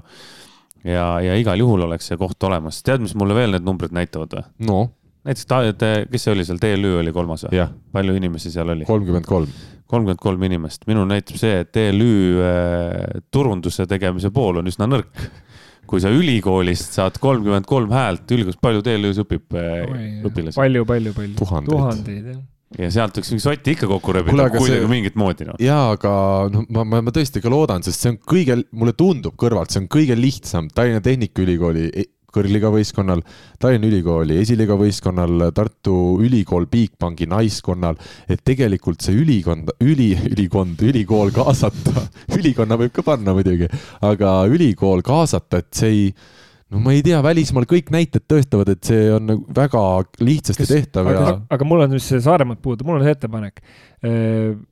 võtke esiliiga ära, minge järgmine aasta kõrgliigasse rahulikult, samm-sammult oma laiapõhjalise rahastusega. Nad ei võida ära, vot seal ongi no, see probleem. aga seal ei ole vahet, sest meistriliigasse saab ka ilma esiliigat võitmata see, see meil. see on siuke, ja see ütleme siuke moraalne, eks ole, see, aga, aga pange kokku see sats ja, ja mängige ja ärge tehke. no selles mõttes, et mis on, kui me võtame nagu meestest praegu, noh, meil on neli satsi, et, et kes, kes neist on nagu noh, profisatsid, et noh, Tartu peaaegu et on, aga, aga teistest mõned üksikud mängijad, et seal ei ole nagu seda survet, et sa peaksid nagu konkureerimiseks panema kokku nüüd, lajatama tohutu eelarvega mm. -hmm. mine kasvõi seesama esiliiga satsi baasil, võta mõned täiendused juurde, kes, kes just tahaksid. no aga need ei kanna välja, ma ütlen lihtsalt, see ei kanna, see on ilus mõte, aga see ei kanna välja nojah, aga ütleme, kui see tahe on olemas, küll liigutatakse mägesid. ei, ma ütlengi, et Saaremaal on mängijad olemas, seesama Alari Saar, kes oleks väga hea meelega Saaremaal jätkanud, ma arvan, ükskõik milline see võistkond oleks olnud seal, ikkagi kodusaar ja, ja. no võtame, võtame nüüd äh, sellise asja, palju neid hääli seal oli? kõik kokku või? ei, Saaremaal sada. üheksakümmend üheksa oli. sada üheksakümmend üheksa. lihtsalt üheksakümmend üheksa. aa, üheksakümmend üheksa? kellelgi üle saja ei olnudki või? ei olnud. sina ju võistkonda üles ei pannud. üheksakümmend üheksa häält äh, ütleme, kui Saaremaalt äh, viissada inimest leida, kes on nõus toetama klubi viiesaja euroga. sa ei leia. aastas, ei, see on lihtsalt, see on lihtsalt nagu näide. palju siis näide. oleks, nii? nii, palju see teeb meil? viis korda viis on kakskümmend viis ja pane nullid lõppu. kakskümmend viis tuhat, on ju? pluss toetajad. oota, mis sa ütlesid, viissada inimest, kes annavad viissada eurot või? jah. okei okay., nii. nii ja pane, tuhat inimest, kes annab aasta peale viissada eurot, teeb äh, püsiannetuse viiskümmend eurot kuus Saaremaa võrkpalliklubile. okei okay,, see, see, see on lihtsalt, see on lihtsalt nagu mõte, aga, aga ma arvan, et see meistriliiga võistkond tegelikult ei tohiks olla nüüd nii keeruline, kui see kogukond on seal olemas, noh. kui see tahtmine ja kogukond on olemas, sest Mihklil on õigus. aga teine pool, mis me nüüd sinna ülikoolide juurde, kes, kas meie rääkisime saates või kes see mulle rääkis seda teemat, et USA-s näiteks tehakse nii, et kui sa käid vaatamas mänge. oota, ma lihtsalt ütlen, et kui tuhat inimest ikkagi juba annaks viissada eurot, siis see teeks viissada tuhat eurot. jah ja,. et viissada tuhat saaks juba jälle samasuguse võistkonna nagu siiani on olnud. jah no see on, see on, lõpuks see, see printsiip. Sorry, arv, arvutusest läks hästi natuke. lõpuks on see printsiip, et kas sul on nagu miljon inimest, kes igaüks annab ühe euro või ja. sul on üks inimene, kes annab miljon eurot mm.. ja praegu Saaremaal oli see teine variant, sul üks inimene, noh piltlik, kujundlikult. kui see, kui see ainult... inimene kaob ära, siis on läinud. jah, aga kui sul sellest nii-öelda suurest massist kaob mõned üksikud inimesed ära, sellest ei juhtu midagi, et see ongi nüüd jätkusuutlikkuse klubi mm -hmm. püramiidi küsimus, et kui see äh, ühe õlgadel on ja see üks inimene, noh, mis iganes põhjusel asi ebaõnnestub, kõik arusaadav, keegi ei heida nagu ette seda, kui, kui kui raha lihtsalt ei ole, aga, aga mida laiem on põhi, seda, seda. siin, siin isegi ei pea olema see, et raha ei ole või läheb äriliselt halvasti kellelgi. kui inimesel kaob huvi ära mingi hetk, mõtleb, et ah, ma siin tegin viis aastat, ei viitsi enam, siis ongi kõik mm, -hmm. ongi kõik. aga ülikooli juurde, kas me rääkisime saates, et kuskil. paljudes saadetes sa käid rääkimas? kuskil, kuskilt käis läbi see teema, et USA-s vist oli tehtud sedasi, et kui sa tuled vaatama oma spordivõistkondade mänge, siis sa saad mingeid, mingeid punkte mingisuguseid. nagu meil oli TalTechis samamoodi eelmine hooaeg. jah, midagi, jah, võib-olla sealt tuligi see läbi. jah, nad piksutasid, see on nagu see validaator, nagu sa seal trammi lähed. täpselt, et, et see on ka üks variant, kuidas saada inimesi saali, on ju, aga see on, see on nagu sundvaktsineerimine. see, aga mina ütlen, et see on ikka rohkem sundvaktsineerimine, sest kui ma vaatasin osasid, okei okay,, osad võrkpallisõbrad, need noh, kes olid ka välisriikidest tulnud üliõpilased, tõesti vaatasid mängu, teised olid need, kes läksid sinna pingi peale, võtsid telefoni lahti ja scroll'id ja scroll'id. aga see on seesama teema, millest me rääkisime eelmine saade, see on sama teema, sa pead selle inimese saama kõigepealt sinna mm, -hmm. ühe korra sinna teise korra no, sinna. käisid teist korda ka. kolmanda korra sinna. tulid kolmas kord ka. ja, aga kui sa, kui sul kümnest inimesest äh, tuleb, jääb käima seal neli või viis, see on ei, väga. see oleks väga hea, see oleks. see on super. perfektne peaaegu. aga sa peadki jätkusuutlikult tegema seda nii, et nad tulevad, tulevad, tulevad, tulevad, tulevad, kuni neile hakkab see mingi hetk meeldima. kõige parem oleks nii, et kui need India mehed käivad siin terve, näiteks noh lihtsalt ma tean, välistudengeid on Indiast, äh, käivad TalTechi mängudel ära, need kolm aastat õpivad ära ülikoolis. Nad lähevad kodumaale, aga nad hakkavad ikka nädalavahetusel käima TalTechi kodumängudel. See Indiast siia või? sest neile, sest sa ütled, et neile meeldib see mäng. või nad vaatavad sealt ülekandeid. Postimees jep. no see on ka variant. no tähendab, see side ülikooliga jääb ju nagu pikaks ajaks, et ma, ma tean küll ühte lähedast inimest, kes käis Ameerikas ülikoolis ja, ja mängis juhtumisi ka võrkpalli seal ülikoolis ja ma arvan, ta siiamaani jälgib silmanurgast oma ülikooli võistkonna tegemisi, vähemalt kui siin see koroonaaeg oli, siis, siis, siis ma küll, või ütleme, see koroonaaja kõige hullema koroona järgselt ma sain küll mingisuguseid eh, linke, nägin, kuidas seal Ameerikas toimetatakse, et, et noh, see side jääb nagu, et või kes iganes on ülikoolis käinud, mõtleb selle peale tagasi, mitu puuda soola seal ära süüakse ülikoolikaaslastega, et see jääb meelde, see kogemus jääb meelde ja sa ikkagi vaatad, see on kasvõi niisugune virtuaalne publik, et nagu sa ütlesid, Karl, et eh, tüübid lähevad tagasi oma koduriiki, aga ikka nagu väike side jääb, et oh, ma viskan pilgu peale netist, et kuidas seal tulemused olid, et, et noh, nii, nii ta on. aga mina ütlen, mis sihuke üllatav ka, mulle tundub vähemalt, äh, Tallinna Ülikooliga tegin mina oma debüüdi siis sedasi esiliigas, et ma hetkekski väljakule ei saanud, mängisime Viljandi võrkpalliklubiga. Tallinna Ülikooli äh, võimlas või selles spordisaalis, ma lugesin kokku, oli äh, kaheksa inimest oli siis pealtvaatajaid, kuigi noh, ta-, Tallinna Ülikoolis on ju nimekaid võrkpallureid, äh, pluss neil on kõigil sugulasi, tuttavaid, sõpru. Äh, Viljandis näiteks Meelis Kivisild mängis ja väga hästi mängis too mäng. aga et kui seal on kaheksa pealtvaatajat, nendest olid ka kaks tükki olid mängijate naised koos lastega, ehk siis neli mängijat on juba, äh, neli pealtvaatajat on juba kokku loetud, see oli kahe inimese sõbrad ja Reimo Kuri käis korra oma sõbraga läbi, aga ta läks juba, pärast seda läks vist Neemeku mängule edasi seal poole pealt, et et ei ole ikka üldse seda kultuuri meil, et esiliigas vähemalt mänge käidaks regulaarselt kõikide tiimide mänge vaatamas protokollis on kümme, ma vaatan pealt vaatan, aga seal loeti mind ka sisse võib-olla. tundub, tundub küll jah, ma vaatan täitsa number kaheksateist, Rinaldo Karl on. Äh, Argo Araku särgiga tegin sooja. elu parimad kõhulihase treeningud, kaks tundi, see kuna mäng oli neljageemiline, sai kaks tundi järjest teha kõhulihaseid. kuule, aga te võitsite kolmanda geimi kakskümmend viis, neliteist ja sa ei saanud mängu isegi no meil oli äh, strateegiline plaan oli, oli teistsugune lihtsalt. see nii pikk pink oli, aga et see leitud üles sind sealt, Arak ei leidnud üles. Arak ei leidnud üles, jah. aga, aga, aga tulles su küsimuse juurde, siis, siis jah, et noh, mina, minu kogemus äh, nädalavahetusest on äh, Tartust naiste esiliigast, kus ma siis käisin selle pika nimega võistkonna ehk siis katoliku spordi. ära praegu lõpuni ütle, sest meil saab vaadata, mida me läbi Katolik.... meil on veel teemasid, meil on täna veel teemasid, meil on tund aega ainult aega. katoliku spordiklubi äh, ja Torpati ja Tartu valla. mina näiteks juba, mul läks juba sassi praegu, keda, mida sa käisid vaatamas? ühesõnaga, Mihkel käis naiste esiliiga võrkpalli no, vaatamas Tart,. Tart, Tartus ja vastane oli Sparta ja, ja, ja see, aga mis, mu mõte oli selles nüüd, et öelda, et, et seal oli küll äh, Äh, nagu ütleme, et ma ütleks peaaegu täismaja ja täismaja tähendas ka seal, et oli noh, võib-olla mingi maksimaalselt paarkümmend inimest, sinna ei mahu lihtsalt rohkem. oli paarkümmend inimest, jah? rohkem inimesi, aga noh, näiteks ma ei tea, Neinar Seli äh, oli, oli, oli mängul et äh, Torpat on ju teatavasti nimisponsor, üks kolmest nimisponsorist sellel võistkonnal, et, et äh, koos oma, oma, oma lapse ja ilmselt lastelastega, et, et. tal oli võib-olla perekonnas. pere, äh, pereüritus, vaata, et noh, tegelikult, tegelikult, aga, aga see ongi see, mida, millele sa nagu viitad, et kes peaks tulema esmajoones vaatama mm.. noh, mingit pidi seotud inimesed, noh, minu, minusugused hullikesi eksib sinna vähe ära, aga seal on eelkõige pereliikmed, sugulased, sõbrad noh, ja siis ütleme, noh, sul ongi noh palju siis sellel võistkonnal nii-öelda naturaalseid nagu fänne on, näiteks see vaikselt nagu tekib, aga see kujuneb selle sõpruskonna peale, et ülikoolid selles mõttes on hoopis nagu eriseisuses.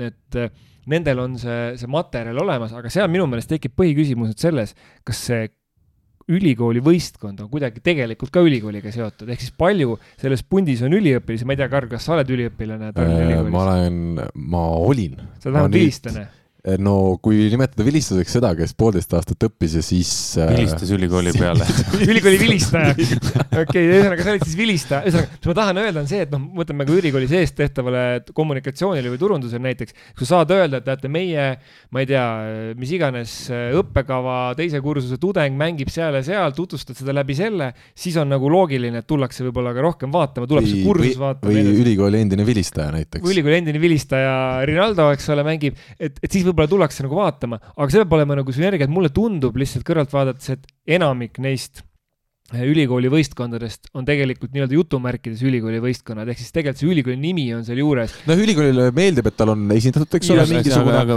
nende, nendega, kes seal ülikoolis käivad, ei ole mitte mingit seost. et see, et see seose ei, tegelikult tekitamine... on seal kaks äh, mängijat ka no, Tallinna no, ülikoolis näiteks. see seose tekitamine on tegelikult võimalik ja ma arvan, et seal see potentsiaal oleks nagu suur, et, et noh, mulle tegelikult, äh, tulles tagasi selle naiste esiliiga kogemuse juurde, mulle väga meeldis tegelikult seal mängul käia, sest et esiteks Äh, ma nägin, et seal olid noh, mingid lähemad pereliikmed inimestel, elasid kaasa, teiseks ma nägin seal äh, saali ukse peal äh, kutseid, et tulge noored trenni, on mm. erinevad grupid seal katoliku spordiklubis võrkpallile, et sa nägid, et noh, nagu tehakse, toimetatakse, pink oli nii-öelda mängeid täis normaalne selline äh, sportlik, sportlik mäng oli, et ehk siis selline noh, selline oma väike kogukonna tunne, jällegi, et see ambitsioon ei peagi olema, et seal on nüüd nagu kuussada pealtvaatajat, eks ole, piisab paarikümnest äh, kuni ma ei tea, seal sajast on ju, sõltub ka, ka, ka sellest hallist, aga just selline nagu noh, mingi alge ja see koos tegemise rõõm, et me ei peagi võrdlema naiste esiliigas ennast mm. sellega, et,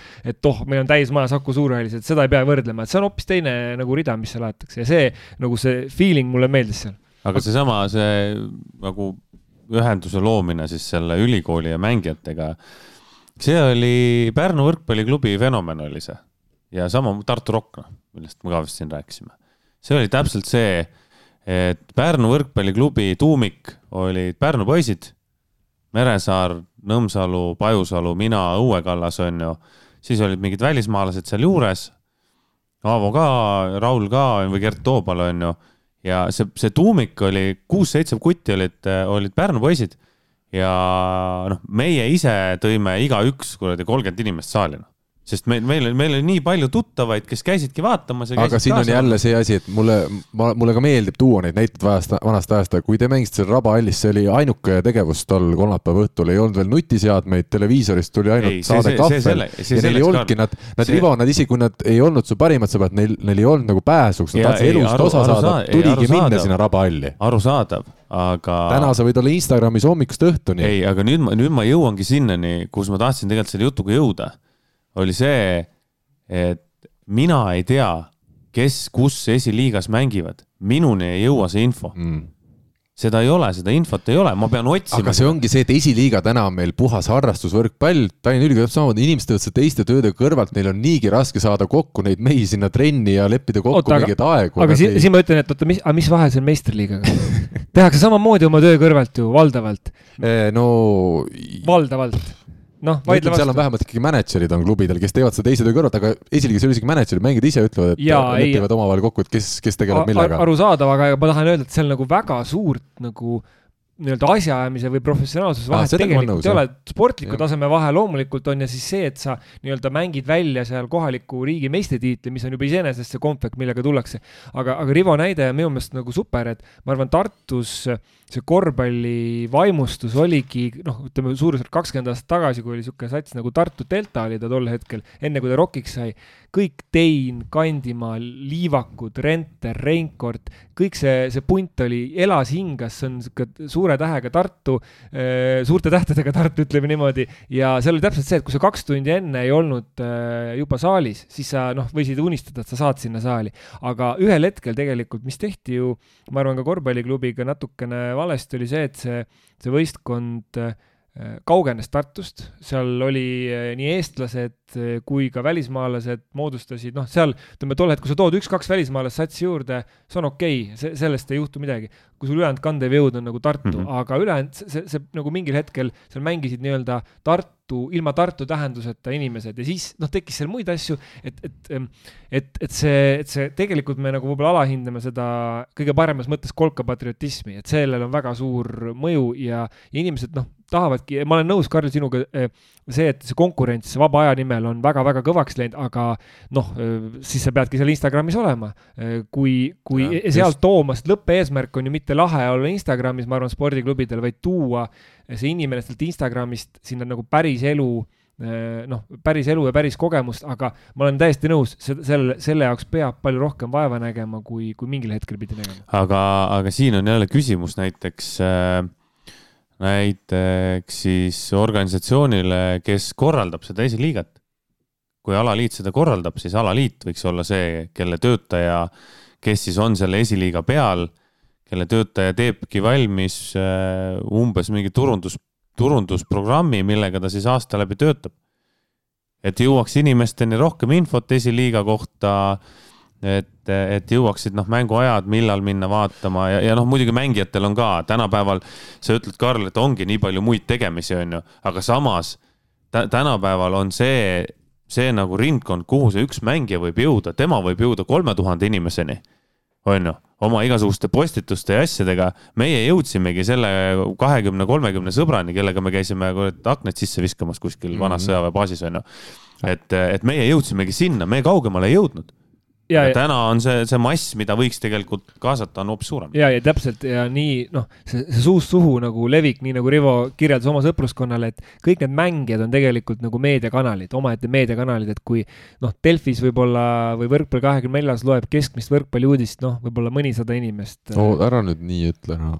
viissada no,, kuussada. no see on mõnisada, eks ole. ära ütle mõni, no mõnisada on kakssada, kolmsada. okei okay,, no pool, pool tuhat siis no, parem. meie jaoks on pool tuhat väga suur vahe e,. nii. ma saan aru, Jalgpalliliidus ei ole vahet et kas siis, siis Mihkel, Mihkel, Mihkel. siis, ühesõnaga ma tahan öelda, et kui seal loeb seda võib-olla siis pool tuhat inimest äh, või isegi rohkem või mõnda uudist vähem, siis kui sul on Instagramis, noh, siin noortel on juba tuhandeid jälgijaid, selleks ei pea olema mingi nii-öelda influencer või, või. lihtsalt vähe, vähe riideid ja teed pildid ära ja. mitte isegi seda, vaid lihtsalt sa ka noh, mehed, ma ei tea, kes käivad seal, sportlikud on, käivad jõusaalis või, või panevad oma spordipilte ülesse. ma panen ka spordipilte, mul ei ole veel nii palju. no vot, sa ei oska, võib-olla seda me peame õpetama pärast, pärast saadet, aga, aga mis ma tahan öelda, et sealtkaudu levib see info palju suuremate, suurema arvu inimeseni, et no midagi teha ei ole, et kui, kui Karl paneb ühe uudise üles mm., seda loeb isegi viissada inimest, siis kui terve nüüd Tallinna Ülikooli võistkond eh, paneb oma sotsiaalmeediasse, siis see katvus on kindlasti oluliselt suurem. ja, aga kusjuures äh, Tallinna Ülikool, ma tean, poisid rääkisid omavahel ka, et seda sotsiaalmeediat tulebki natuke rohkem hakata tegema, et, äh, et saadagi natukene pealtvaatajaid ja kogu asja paremini käima, nii et ma tean, töö nime, selle nimel vähemalt käib.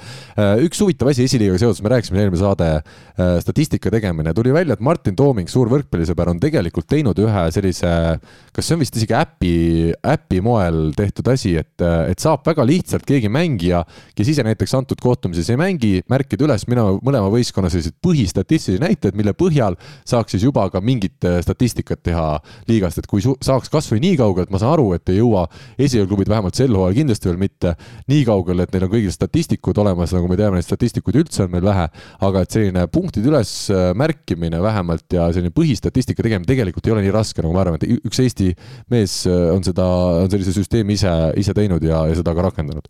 aga me oleme nii palju rääkinud täna juba jälle esiliigast ma olen meistriga sõbrad, need, kes nagu tegelikku võrkpalli jälgivad, need nagu mõtlevad, et, et mis saatega nüüd tegu on, aga me. süvasaade. süvasaade, aga me võtame vahele siin ennustusrubriigi ja siis läheme juba Grade kakskümmend neli meistriliiga põnevate mängude juurde. kes võidab keda, kas sina oskad ennustada seda? spordiennustus portaalis Pahv, Pahv lööb pahviks Pahv, suurepärane toetaja meil siis Grade kahekümne nelja kõrval Kuldse Game'i saates ja eelmine nädal teagi, Mihkel, tahad sa ise midagi öelda, kuidas sul läks? no nüüd paljastus tegelikult minu tõe, tõeline minu teadmine võrkpallist, et äh, täielikult kolistasin kahte ämbrit ja kukkusin siis teiselt kohalt kuuendaks, eks ole. just nii, meistrite liigas kahte mängu sa ennustasid, mõlemad läksid aia taha, kolmkümmend eurot läinud ja sa oled siis tabelis meil kuuendal kohal saja üheksakümne viie euroga. Rivo, kuidas sinul läks möödunud nädal? Ei, ei tea, ei jälginud kahjuks sa.... ei olnud aega jälgida Beskidide Black Volley alistas äh, Tšehhi liigas Slini, nagu sa teadsid, kolm-üks, sealt said viieteist eurost kakskümmend kaheksa. samas Venemaa Pro liigas sa ütlesid Energy võidab Empire'it, ei võitnud, null kolm, null kolm. sa ütlesid, et sa oled suur ekspert, sa ise tutvustasid nii ennast selle Venemaa Pro liiga puhul mm. -hmm. mis siis valesti läks? Äh, kelle taha mäng jäi? no see Venemaa, Venemaa Pro liiga tegelikult on, ta ongi üllatusi täis, et seal, seal noh, sa võid olla ekspert, äh, väga suur ekspert, aga aga kõiki mänge ei suudagi täppi panna seal, et mm -hmm. seal nagu noh, nagu koefitsient näitas, võistkonnad on väga võrdsed, et Absolut. ühel meeskonnal parem päev, teisel halvem päev. olid nad üldse mehed? mina ei ole ka selles kindel võistkonnad, ütleme siis võistkonnad et et ma küll jah, eksperdina ei ole veel aru saanud, et kas, kes seal tegelikult mängivad, et aga noh, ühesõnaga ma mainin plussi, see on väga hea. ei no no kuidas nüüd öelda, ütleme, kui sa ikkagi kokkuvõttes kolmekümnest eurost kakskümmend kaheksa teed, siis ma pean kurvastama. kahega miinusega, jah. kahega miinus, ometi see jätkab. võrreldes meiega jäid sa suurde plussi. Äh, võistluse liidrina jätkab kaks viiskümmend kaks, ma ei tea, millest Mihkel räägib, sest mina panin loomulikult mõlemad äh, mängud õigesti siin, Pireus olümpiaakos võidab Minskit meistrite liigas, ütlesin tulemus kolm-null, loomulikult, eks ole, siin oli spetsialistide arvamust ja ja siis ma ennustasin ühte e-spordi võistlust, aga jäägu see sinna, sealt tuli lihtsalt raha ka juurde. ja kokkuvõttes olen ma siis meie visuaalses tabelis kerkinud nüüd Mihkli asemel teisele kohale kahesaja kahekümne kuue euroga nii, seda tuleb parandada kohe. seda tuleb parandada, Mihkel, mida sa oled leidnud Pahvi ennustusportaalist? kõigepealt loomulikult meistrite liigas Benfica, meile tuntuv, tuntud Aha. ja tuttav, mängib äh, soomlastega. ja täna õhtul äh, kodus Benfica koefitsient üks koma neliteist ja soomlastel siis äh, Valepal on viis koma neli aga ma jään Benficale truuks, ehk siis minu... op, siin saab kohe põnevuse sisse tuua, väga hea. minu pool, pool panust läheb Benfica peale. nii, üks koma neliteist Benfica võidule Valepa vastu, selge. ja teine on äh, Tšehhi ekstraliiga mäng, äh, kus siis on äh, võrdsete koefitsientidega on Usti nad Labem mängib Kladnoga. mõlemal on üks koma kaheksakümmend viis võidukoefitsient, aga ma panen selle Usti nad Labemi peale. see on väga hea bonus selge, nii äh, Rivo see peab võitma, see ei saa kaotada. Rivo, mida sina näed? Äh, tead, ma läksin, võtsin üldsegi ette Euroliiga korvpalli seekord mm,. nii? ja lähen muidugi suure riski peale, aga paneksin äh, Moskva CSKA võidab olümpiaakose, Pireuse olümpiaakost. okei okay.. üks viiskümmend kaks on koefitsient ja paneks sinna viisteist, ma panen viisteist, viisteist nagu alati. sa mängid nagu väga sihuke igavat mängu, üks koma kakskümmend viis, jah? Üks kakskümmend viis on väga okei okay.. aa, see on sinu jaoks nagu ei, suur üllatus üks kakskümmend viis, üks viiskümmend kaks. üks viiskümmend kaks, okei üks viiskümmend kaks on väga okei okay,. see on väga okei okay,, jah. ja teiseks, teisega ma läheksin, no ma läheks kindla peale siin, et Barcelona võidab äh, Peterburi seniiti ja see on üks kakskümmend viis. see on tõesti kindla peale minek. jah, see on üks kakskümmend viis, no siin ma hoian nagu natukene. okei okay.. ja viisteist eurot sinna nii, aga siis on minu kord ja mina nüüd küll näen Valepal, ma ütlen ma usun, et Valepal võib võimalus tekkida, mulle tundub see viis koma neli nende koefitsient võib-olla natuke liiga kõrge, et tegelikult on korralik võistkond ja Appeltorni võideti, miks ei või nüüdki siis vähemalt ühe mängu, esimese mängu kätte saada. aga ma ütlen siis, et äh, Valepaa võidab, paneme sinna kümme eurot. viis koma neli on või? viis koma neli, jah. kõva, minu meelest on ka natuke kuidagi nagu balansist väljas, aga, aga noh. no aga ma ei tea jälle, see Appeltorn, kellega nad mängisid ja kelle vastu nad edasi said, kas see on nüüd hea või mis, mitte. mis huvitav Tartu koefitsient oli näiteks sel hetkel, et uh,, et ei mäleta tol hetkel. seda ei näi ai, me tegime saateid pärast tegime seda mängu, jah. pärast mänge, sest et noh, et, et kui nüüd nagu hinnatakse Tartut ja noh, ütleme, ütleme siis küsimus, et kas Tartu ja Valepa võiks olla nagu võrdses või enam-vähem sarnases kategoorias. viis koma neli on ikka väga palju. jah, on, on, on.. kuule, ma tõstan kümne peale ma, ütlesingi kümme või? kümme peale tuleb sinna. Okay. pane kolmkümmend ära kohe, sa oled kindlalt esimene. kuule, siis on ju igav, siis kaob kogu põnevus ära, kui kõik teavad, et ma võidan niikuinii, noh. siin ma pean ikka mängu huvides, mina mängin mängu huvides, mitte selle peale, et ma tahaks ilmselt võita. ma arvan, et Rivo võiks praegu karjuda stop the count nagu, sest et ta ja. juhib, onju. ma astun välja siit mängust, makske ära. aga et Mihkel käiks meil ka edasi saates, siis äh, ma ennustan siis jalgpalli äh, Flora mängib äh, Anatoosisega, Famagusta poisid siis äh, Küproselt, eks ole, peaks olema. Flora koefitsient kolm koma kuus. mul küll ei näe seda. mäng on võõrsil siis täna, täna õhtul. Mhm no ma panen viis eurot. kas seda see kannab üle ka kuskil? Viaplay näitab seda. aa, see on tasuline siis, siis. ei tule minu juurde vaatama, ma just tellisin, ma just tellisin. mul on ka tellitud. tule, tule, ma jätan pitsa, meil jääb ka alles õhtuks, nii et Rivo saab ära minemagi siit vahepeal. Äh, ma ütlen, Flora võidab, see on nüüd viis eurot läheb sinna, koefitsient kolm koma kuus, mul on viisteist eurot alles jäänud ja oh-ohoo, siit ma näen kohe suurt raha tulemas. AS Rooma ja Jose Murillo võidavad Klimpt Bodøt Äh, koefitsient kolm koma üheksa, võõrsil on see mäng, kindlasti Rooma põhimehi ilmselt ei kasuta, aga ülejäänud raha, mis mul siis alles jäi, äh, viisteist, see läheb siis Rooma peale, nii et issand jumal. aa, vabandust, Rooma koefitsient üks koma kaheksakümmend viis, viis on ka.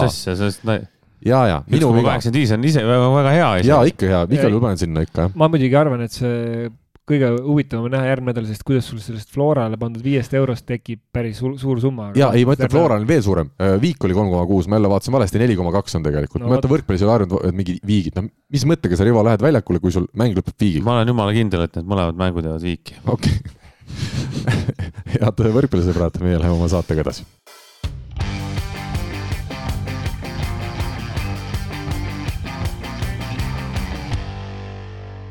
Grade kakskümmend neli meistriliigas mängiti siis nädalavahetusel kaks põnevat kohtumist Eesti klubide vahel. laupäevases mängus Tallinna Selver oma uues kodusaalis Sõle spordihoones sai siis kolm-üks võidu Pärnu üle. ma ei tea, palju te jõudsite seda mängu jälgida, minul oli au seal kohapeal viibida ja esimene game tundus, et noh, küll ei saa öelda, et nüüd tundus, et Pärnu hakkabki mängu võitma, aga esimeses game'is nad tegutsesid nii hästi, et said selle game'i võidu kätte ja küll kokkuvõttes siis jah, Pärnul üks-kolm kaotus, aga see sealt mängust annab päris palju nagu huvitavat välja lugeda. esimene asi oli see, et Andres Toobal oma esimeses siis peatreenerina kodumängus Äh, kasutas nurgaründajatena Deniss Losnikovi ja Oliver Oravat, mitte Pierce Johnsonit, kes äh, siis toodi Kanadast tänavuseks aastaks võistkonda, ainus legionär Selveri meeskonnas, et äh, väga julge käik peatreenerilt. samas teisalt vaatad, ei ole ka julge, sest Losnikov ja Orav on need kogenumad vanemad mehed, kelle tase on meile kõigile teada, Johnson on veel selline esimene hooaeg välisliigas ja natukene selline, ütleme siis, ebastabiilsem kindlasti. et äh, igatahes kiidame Andres Toobalit, õige valik, meeskond võidab ja ja huvitav nüüd saab olema edasi siis vaadata, kas Losnikov lõpuks läheb ikkagi libero kohale peale ja mängivad Orav ja Johnson hoopis nurgas või kuidas seal hakkama, hakkab olema. Mihkel, millised sinu järeldused sellest mängust? Äh, selles mõttes oli see oodatud mäng, et ähm, et noh, me siin ennustasime ka mingil hetkel ju, et kuidas esiots äh, võiks välja näha ja kes Tartu järel võiks siis see number kaks olla.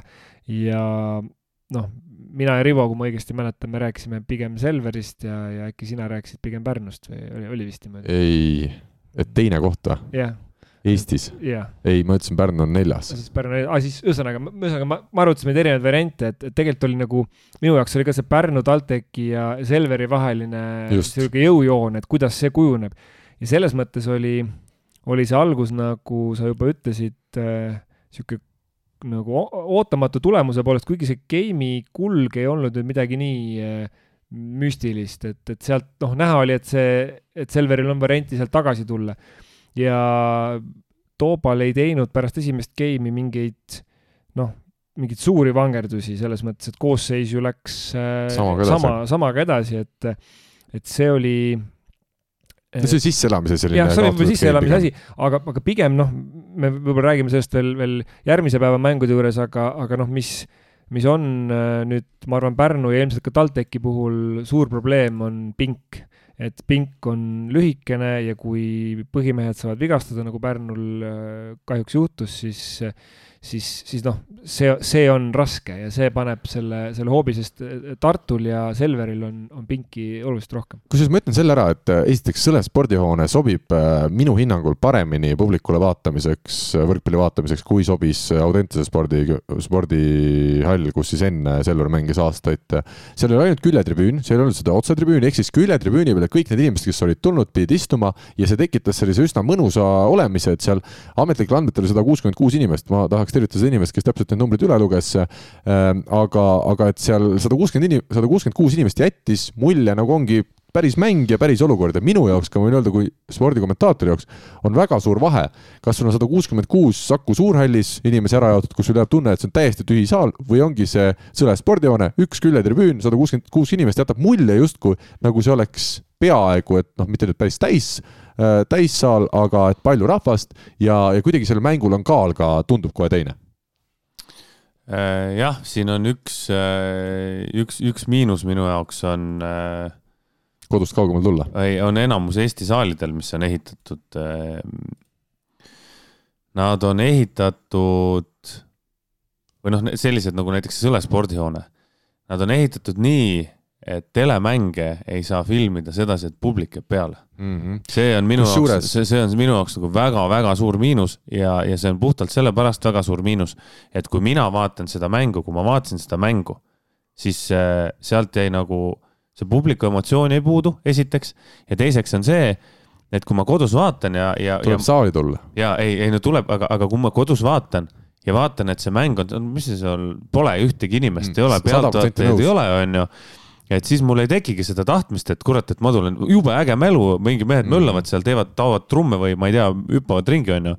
et ma tuleks ka järgmine kord saali, et see on hoopis teine emotsioon mm.. et see, see on nagu nende, nende, selle saali ja sama oli Audenteses on ju, väga suured miinused, Saaremaa saal täpselt samamoodi. aga vaata, telemängudeks saab, sest seal tuuakse see tõstuk äh,, vähemalt on toodud ja siis viiakse ikkagi õigele poole, nii, nii et sul jääb publik taustaks äh, ülekandel no sa mõtled siis Saaremaal, eks ole, aga, aga kas minu arust Audenteses, Audenteses, Audenteses ei ole võimalik. ei ole seda tehtud, ei ole, ei ole võimalik. see ei ole võimalik, sa oled, sa oled nii ruum. lähedal sellele väljakule. Sõle, Sõles, Sõles ma ei tea, kuidas Sõles peaks saama, sest see on üsna lai on see tegelikult.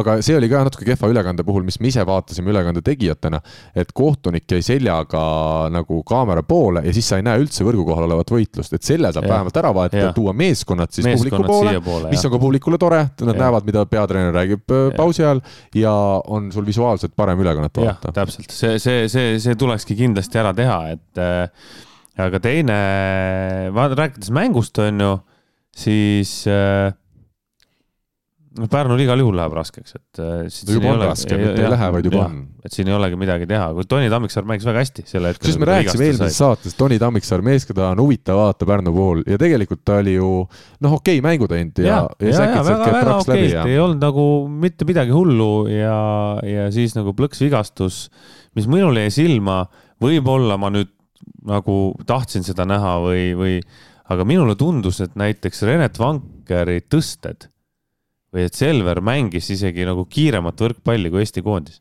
see, see on nüüd igas mängus käib meil tänapäeval, see on nagu Eesti võrkpallis juba sihuke äh, legendaarne lause, et kui sa Eesti võrkpallist räägid, siis sa mainid selle ära, et tõsted olid kiiremad kui Eesti koondis. aga mulle, mulle, mulle tundus. aga tead, see, ma arvan, et see on, ma ei usu, ma, ma ei, ma ei ütle ka, et Robert Viiber oleks teinud suurepärast turniiri Eesti koondise eest, sugugi mitte. ma tean, kui raske tal oli ja nii edasi, aga me nagu võrdleme ka võrreldamatuid asju ilmselt. ilmselt küll, aga lihtsalt see, see. Eesti koondis EM-finaalturniiril, kus ikka väga tugevad vastased. nagu silma, et seal võib-olla, seal muidugi kindlasti tuleb ka vahe selles, et serv oli tugevam seal mm., Saku Suurhallis yeah, ja vastuvõtud olid kehvemad ja nii edasi, nii edasi, nii edasi, onju aga see oli üks asi, mis jäi nagu silma. Äh, iseenesest Pärnu ju ei mänginud kehvasti enne seda, kui okay. ja enne okay, kui mängu. Toni sai vigastada, siis nad olid tõesti nagu sundseisus, eks mm.. ja Selveri, üks asi, mis Selveri puhul jäi silma, oli stabiilsus. Nad mängisid stabiilselt, nad mängisid, nagu Mihkel ütles, et nad ei teinud vahetusi, alustasid ühtemoodi ja läksid nagu põhimõtteliselt ühtemoodi lõpuni. algul võib-olla natuke närvitasid või pablasid, aga põhimõtteliselt ühtemoodi lõpuni Pärnu lihtsalt nagu kukkus mm. ära, et mis on huvitav, Selver, me teame, Kristo Kollo, Andrus Raadik, Rene Teppan on läinud, okei okay,, Johnson on tulnud nüüd juurde, aga kokkuvõttes ikkagi noh, selgelt kvaliteet protsenti läinud alla. samas kõik need seitse meest, eks ole, kes algkoosseisu kuulusid, kui me libero kuulka paneme, olid eelmisel aastal ka Selveri võistkonnas sees, ehk siis tegelikult suur osa meeskonnast on jäänud alles. kõik on meie jaoks tuttavad nimed. noh, Oliver Orav põlveoperatsioonist on nüüd umbes kolm kuud möödas ja, ja esimene mäng siis temalt selline ametlik mäng, täismäng ja oli välja selgelt näha, et mängutunnetus puudub, aga noh, see on ikkagi minu jaoks nagu, kes ma käin jõusaalis no iga teine päev üritan seda hüpet saada nüüd paremaks, et vähegi kerkiks, vähemalt näeks, mis seal teisel pool võrku toimub. ja siis vaata Oliver Oravat, mitu kuud ei ole tal, eks ole, võimalik jalaga trenni teha ja ta lendab ikka no täiesti müstiliselt, noh. tuleb mängupausilt tagasi ja ikka ta kerkib meeletult kõrgele. et see on ikkagi fenomen Eesti võrkpallis. kolme kuuga hüpe ära ei kao, Karl. Jah, aga kolme kuuga ta ei tule küll kuidagi kolme kuuga ei tule ja see, see, see on ka tõsi, jah. ja mis selles mängus nagu veel oli tähelepanuväärselt, oli võib-olla pigem see, et Pärnu jäi nagu rünnakul äh, ikkagi hätta. et äh, vastuvõtt oli neil täitsa okei okay., äh, noh, ei, ei pandud neid nagu väga proovile, aga lihtsalt rünnakul oli, oli, oli Selveril oli neid, oli neid käike rohkem ja oli see siis Nuut, kes, kes, kes tegelikult lõi päris, päris hästi ja, ja noh, rääkimata, rääkimata teised siin, Losnikov ja no ja, Losnik oli minu jaoks niisugune positiivne üllatus ja. ikkagi, et mees, kes terve eelmise hooaja sisuliselt mängis ju libero kohal, tuleb äh, sel hooajal nurka ja mängib kaheksateist punkti pluss kümme, äh, oma meeskonna resultatiivseim ja tuletame meelde, et kahekümne seitsme eluaastaga on ta siis ka Selveri vanim mängija sel hooajal. Äh, Mihkel ütles väga hea asja, et oligi, oligi nagu Selveril oli käike rohkem, et Selveri näiteks esimese tempo ründajad mängisid nagu Pärnu esimese tempo kindlalt üle, et see pikk, pikk Kanada mees oli ikkagi nii aeglane ja, ja nii noh, nii pehme löögiga, et kui ta korralikult seal pihta ei saanud, et siis ega sealt ei tulnud väga midagi ja ja siis see teine noor poiss, ma ta isegi nime ei mäleta. Kristo-Joosep Peterson. jah, Peterson ka, et äh, ta, tema kusjuures mängis täitsa okeilt. ei no seal on potentsiaali vähemalt. seal on potentsiaali. see on näha, on need toores veel, aga sealt võib ikkagi näha. oligi nagu neid käike rohkem, et mingi hetk hakati hästi palju, hästi palju Uuskarile üritama sinna tõsta kõiki asju ja, ja kui Uuskari ka hätta jäi, et siis, siis nagu Pärnu rünnak langes ära, aga, aga noh, ma, ma arvan, et millegipärast arvan, et Pärnu üritab kellegi tuua ikkagi asemele, Tammiksaare asemele. ja Tammiksaarele otsida ühendust, aga nii nagu Reio Tilk ikka ütleb oma tuntud sellises ütleme pessimistlikus olekus, et ega raha ju ei ole, et tuua no sest tegelikult Tammiksaar, ma ei tea, mis stiili nad nüüd teevad, kas nad peavad talle lõpuni maksma, palju nad peavad lõpuni maksma talle, aga Tammiksaare hooaeg on läbi ja kui nüüd tuuakse välismaalt, siis mingit kvaliteetset meest ei saa tuua kas praegu on äh, vist Pärnul, eks ole, Schwanz on puudu? koroonaga eemal, peaks olema varsti tagasi, eks see ka palju andis, just eriti servil, kus ja, Pärnu ja. tänu Schwanzile ikkagi reeglina igas skeemis saab vähemalt mõne punkti et, juurde. natuke nagu läheb olukord paremaks, aga, aga ikkagi noh, neid käike ei olnud äh, ja, ja nagu ka noh, Uuskar oli ka nagu noh, no kahvatu selles mõttes, et ei olnud äh, noh, kõik see rünnaku pool oli selline, nagu ta oli, et, et sealt oleks võinud nagu palju, palju no, aga Uskari on jälle, vaat me, noh, me jäämegi rääkima, eks samamoodi, kui sul ei ole, sul ei ole, ütleme, on sul Richard Vogel on sidemängija, kes on ise veel väga kogenematu, tihti veel ebastabiilne, et siis noh, Uuskaril niigi lähevad seal paljud rasked pallid, see, et ta tegi rünnakul üksteist viga oma neljakümne nelja tõste jooksul, et see noh, eks ta ole vist üsna paratamatu. aga minu küsimus, mul tekkis üks küsimus praegu, kas kindlustust ei ole mängijatel? esiliigas ei ole meil aga meistriliigas kindlustust ei ole, et mängija saab vigastada mängu ajal. Äh, vist ei ole siis jah. tööõnnetus on ju, sest põhimõtteliselt peaks kindlustust talle maksma nii kaua, kuni ta saab nagu tagasi noh. me peame uurima seda asja jah sest ma tean, no mida kõrgemal tasemel, seda suuremad on kindlustused, seda rohkem kõik tagatud, aga mida madalam tase, seda vähem seda ilmselt tehakse, sest lihtsalt raha ei ole selleks, järjekordne mm -hmm. asi. aga no ootame Tom Schwanzi tagasi, kui me Pärnust ikkagi midagi ka positiivset üritame, üritame leida, siis noh, Silver Maar on täna ma nagu eraldi üritasin sel mängul ka vaadata, et leida no sellist nagu ilusaid asju juurde Silver Maari tegutsemist ja no kaitses vastuvõtul kõik äh, ikkagi Euroopa klassist mängumeest, siin ei ole küsimust. ma saan aru, ei ole nii võimsad rünnakud, nii võimsad servid nüüd Selveril praegu, aga aga no Maar ikkagi toob, toob ilusasti palli igalt poolt üles aga Pärnus, miks sa ütled, et midagi positiivset leida, sest tegelikult Pärnu mängis okei okay mängu, seal mm -hmm. oli väga positiivne mäng. lihtsalt äh, jaa, aga sa nüüd nagu nägu naerma ka ei hakanud selle.... ei no nägu naerma, mul ei hakanud Selveri mängu peale ka nägu naerma, ega Tartu mängu ega TalTechi mängu peale ei hakanud ka nägu naerma, et seda ma nüüd ei ütleks, et oleks hirmus kõrgetasemelist võrkpalli keegi näidanud, onju. Ja aga Pärnu mängis hästi ja Mihkel ütles väga õigesti, et Pärnul lihtsalt ei ole seda võistkonna sügavust, noh, kellega mängida. kuule, aga mul sulle ma, ma, ma lihtsalt ütlen vahepeal selle siis kindlustuse osas, et äh, liiga juhend ütleb seda, et äh,, et äh, siis äh, kindlustus on äh,, on soovituslik ja et, et kulu.... ehk siis ilmselt ei ole? jah, ehk siis kulud katab kas siis kindlustusettevõte, kui, kui on kindlustus või siis iga, iga osapool ise. kuule, aga mina ütlen natuke huumorivallast ka, meil sotsiaalmeediast ikka vahepeal tilgutab neid häid asju peale.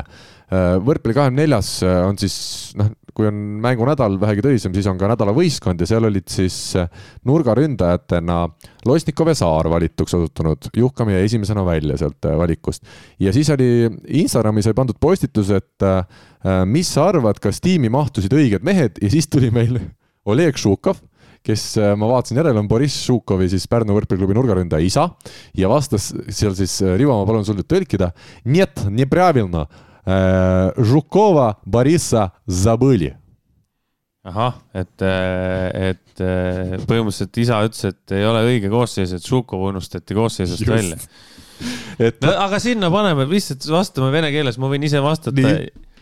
Не забыли, он просто плохо играет kusjuures tegelikult ei teinud, Šukov tegi enda kohta okei mängu, kuusteist punkti pluss kaksteist oma meeskonna efektiivsuselt selgelt parim mees. aga noh, seal ei ole seda kvaliteeti, sa juba liigutusi vaatad, seda kõrgust, kvaliteeti, mitte mingis. kõik võistkonnad lähevad paremaks, ma ütlen. ja, ja, ja, aga no liigutust sa näed ära, et Šukov ei ole mees, kes hakkab Pärnu võrkpalliklubi nüüd äh, mingit imemänge tegema seal noh. no ma loodan, noh, ta läheb, tema läheb ka paremaks ja sellepärast ma ütlengi, et ükski nendest mängudest ei toonud nagu hirmsat mm. äh, nae, nagu Nägu nae, nae, naeru näole, naeru näole, et, et kõik näha on, et Tartu on tegelikult täna ikkagi nii palju mänginud, on ju juba, et mm. neil oli natuke lihtsam ja teised olid kõik natuke puised. kuule, aga kelle süü see on, Tartu sai ju koondise juures tulid mehed viimasel hetkel võistkondadesse, peatreener tuli ka viimasel hetkel. aga teised võistkonnad said ju kõik peale treeningmänge, aga see, et nad meistrite liigat mängisid, okei okay,, see annab kindlasti midagi juurde, aga teised ei nüüd ka kodus ei passinud ja ei kudunud. ei, ei, see mäng on mäng, noh, meistrite liiga seda enam, et sul on teised, teised pinged ja asjad, et sul on ju tulemus kaalul, kui sa mängid neid sõpruskohtumisi seal, siis äh, see, see, mida mängijad tunnevad seal sõpruskohtumisel, on hoopis teine kui ametlik mäng, et seda, seda oli näha ka, et olid kõik üldse vähe puised. kuule, aga mina ütlen nii, pühapäeval äh, ikkagi minu jaoks ausalt ütlen välja, meeldiv üllatus, Tartu Bigbank TalTech sattus olema telemäng ka, Tartu võitis küll lõpuks kolm-üks, aga oli põnevust, oli minu arust ka kvaliteeti, kuigi Rivo ütleb, et siin kvaliteeti veel väga ei ole äh,. oli noh, kõik, mis ühel heale telemängule võiks omane olla, kõik oli seal sees olemas, seda oli mõnus jälgida.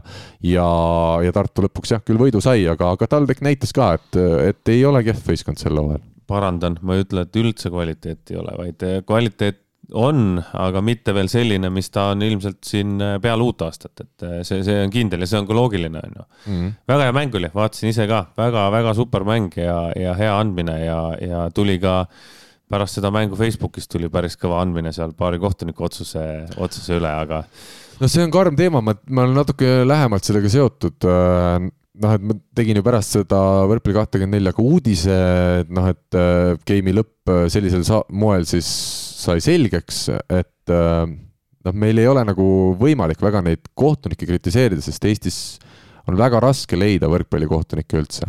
Ei ole, siin ei ole, mis... ei, ma lihtsalt ütlen oma mõtte ära, ma ei, ma ei, ma ei ütle, et mida sina ütled või mida Mihkel ütleb, see, äh, vaid ma lihtsalt ütlen, et me kõik saame aru, et nad teevad vigu, noh, siin on see küsimus, mida Rivo ka minu arust väga õigesti alati ütleb, et ka mängijad teevad ju vigu. mängijad eksivad aga, rohkem kui kohtunikud. aga, aga noh, meil on täna probleem, selge probleem on Eesti võrkpallis, meil ei ole piisavalt kohtunikke Äh, ma ei tea, kas tasustamise taga on või lihtsalt see töö ei ole väga prestiižne tänasel päeval ja teine probleem, mis minu jaoks ikkagi, kui on telemäng, no seal peaks olema neli piirikohtunikku, mitte kaks tükki. Et Võiks sa pead kahte piiri, eks ole, korraga vaatama, mis seal piirikohtuniku ülesanded veel on, aga et no natukene nagu paljuks läheb, et, et, et, et vältida selliseid vigu, tuleb vähemalt nagu tähtsamatele mängudele äkki võiks olla, võiks olla neli piirikohtunikku, kohtunike koolitused ju käivad ja, ja kõike tehakse selleks, et oleks kohtunikke, aga aga see on. Äh, oota ta..., ma ütlen ära kuulajatele ka, see oli siis teise game'i lõpp, TalTech oli esimese game'i võitnud, teises olid nad ühega maas, seal vist kas kakskümmend neli, kakskümmend viis. Schmidl lõi palli selgelt sisse, seal on isegi piiri peal pall, vaid selgelt sees, vilistati out'i, tänu sellele oli Tartu game'i kakskümmend kuus, kakskümmend neli võitnud. Äh, ma, ma siin, ma siin nüüd kõige täpsustame olukorda, on ju. et Tart-, äh, TalTech oli kakskümmend neli, kakskümmend üks või kakskümmend neli, kakskümmend kaks ees Jab. teises game'is nii et me ei saa öelda, et nüüd kohtunik selle mängu maha mängis, kohtunik eksis ühe korra game'i lõpus, okei okay., ja ma usun, et see kohtunik ütles ka pärast, et noh, ongi, eksisingi, et sorry mm, -hmm. ei ole midagi teha. aga kindlasti kohtunik ei kaotanud seda mängu. siin äh, läks sellel teemal, läks äh,, läks siis Facebookis ka jutustamiseks äh, ja küsiti, et kas on olemas komisjon, kes jälgib kohtunike tööd kohtunike komisjoni minu arust äh, esimees on Mati Koorep, kui ma ei eksi, kui ta veel on. kas Tiit Kõiv ei ole praegu? või Tiit Kõiv, täitsa võimalik. Äh, selline kohtunike komisjoni asi on olemas, kas nad nüüd jälgivad nagu mängudel toimuvat kohtuniku tööd? jälgivad, jälgivad on olemas jah no,. ei no selles suhtes nad ikka teevad äh, järeldused mängudest. jah, täpselt, et ja, siis, siis ongi, aga, aga aga no, keda sa võtad sinna siis, kui sul niigi on seal Tartus neid vähe neid kohtunikke? see, see on üks asi ja teine asi on see, et see kohtunik eksis ühe korra. no küsimus on ka vist selles, et kui tõsiselt tohib eksida, et hetkel oli noh, ei olnud küsimus, kas ta oli napilt piiri peal või oli audis, vaid oli ikkagi pall oli selgelt sees, et noh, see. kohtunik eksis ühe korra, kui, kui, kui selle palli oleks äh, Schmidl löönud selgelt out'i, tartlased oleks rõõmustanud, äh, TalTech oleks kurvastanud aga mitte keegi ei oleks hakanud küsima seda, kas Schmidl on kompetentne mängija, kas tema peaks äkki ära saatma või välja vahetama. või kas keegi nüüd treener jälgis seda, et Schmidl lõi nüüd sinna out'i ühe palli on ju ja sellepärast eksis.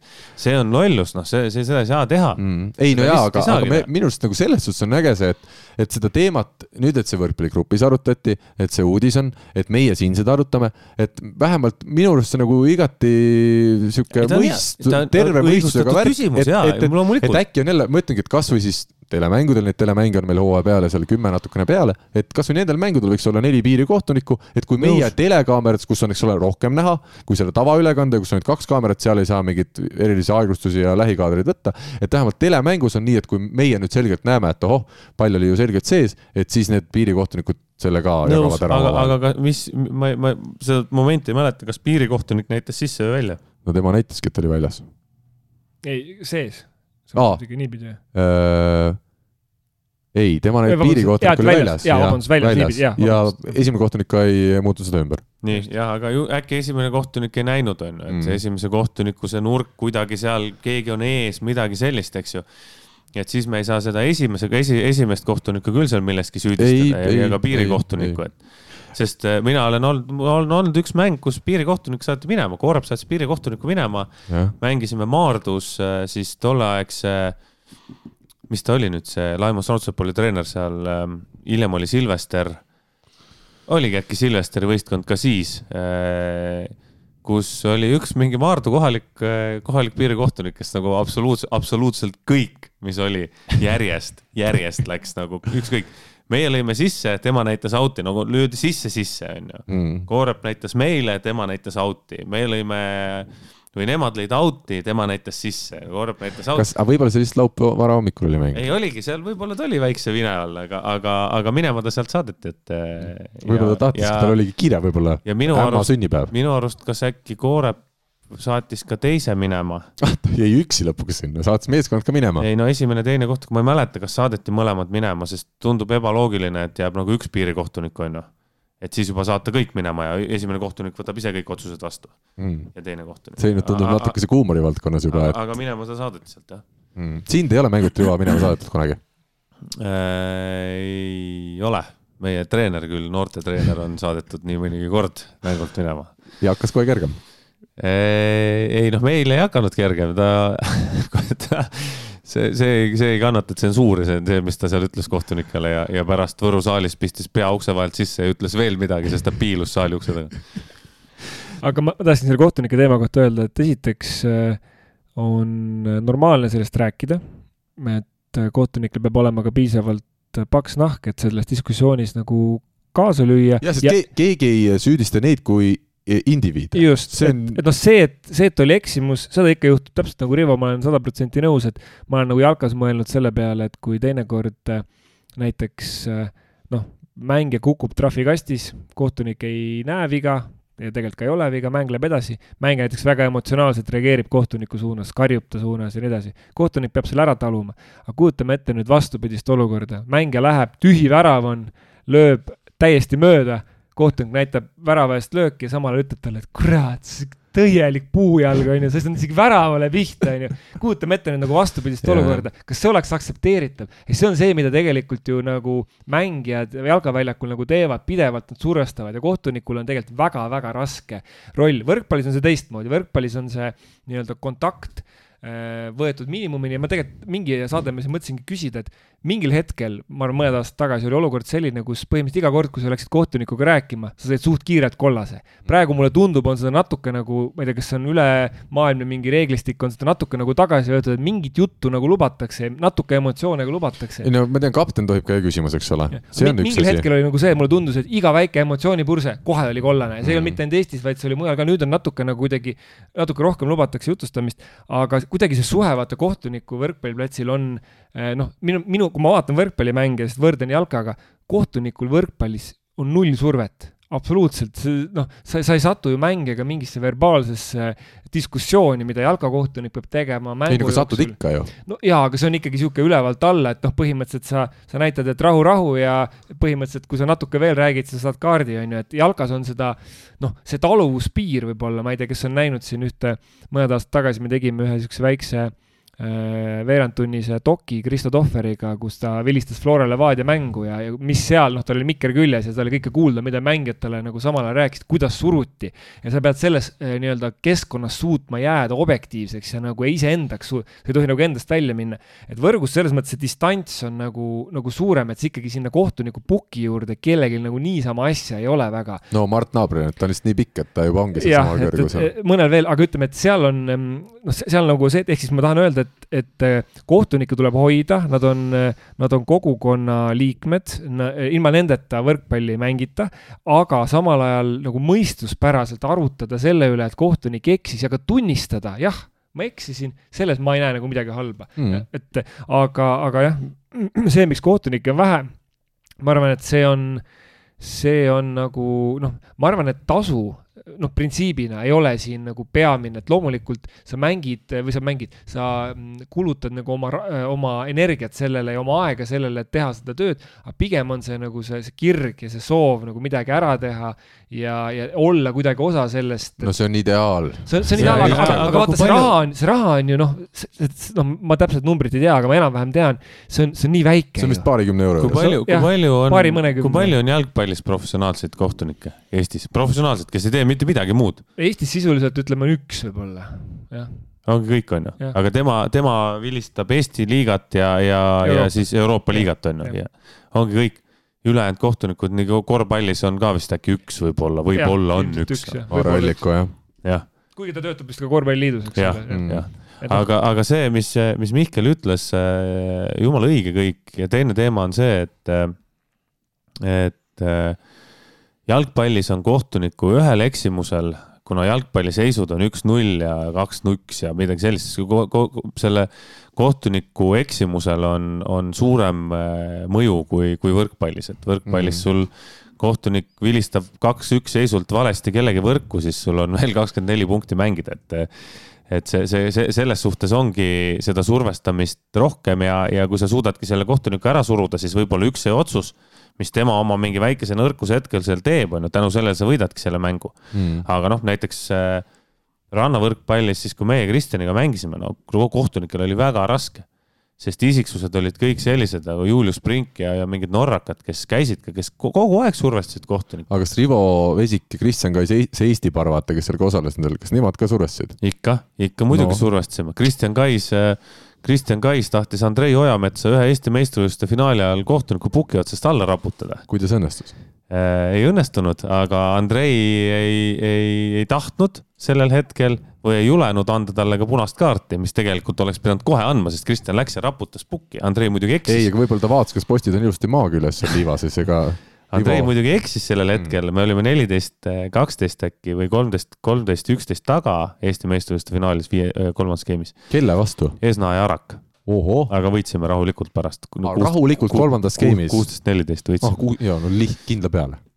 Ja siis jäimegi, jäimegi neliteist, üksteist taha, mhm. sest äh, Andrei vist vilistas Kristjan ühe koksu, mis oli sees, pall vilistas välja, siis Kristjan läks, raputas pukki, tegelikult oleks pidanud olema kohe punane, Andrei seda ei andnud ja siis seisult neliteist, üksteist äh, võitsime kuusteist, neliteist.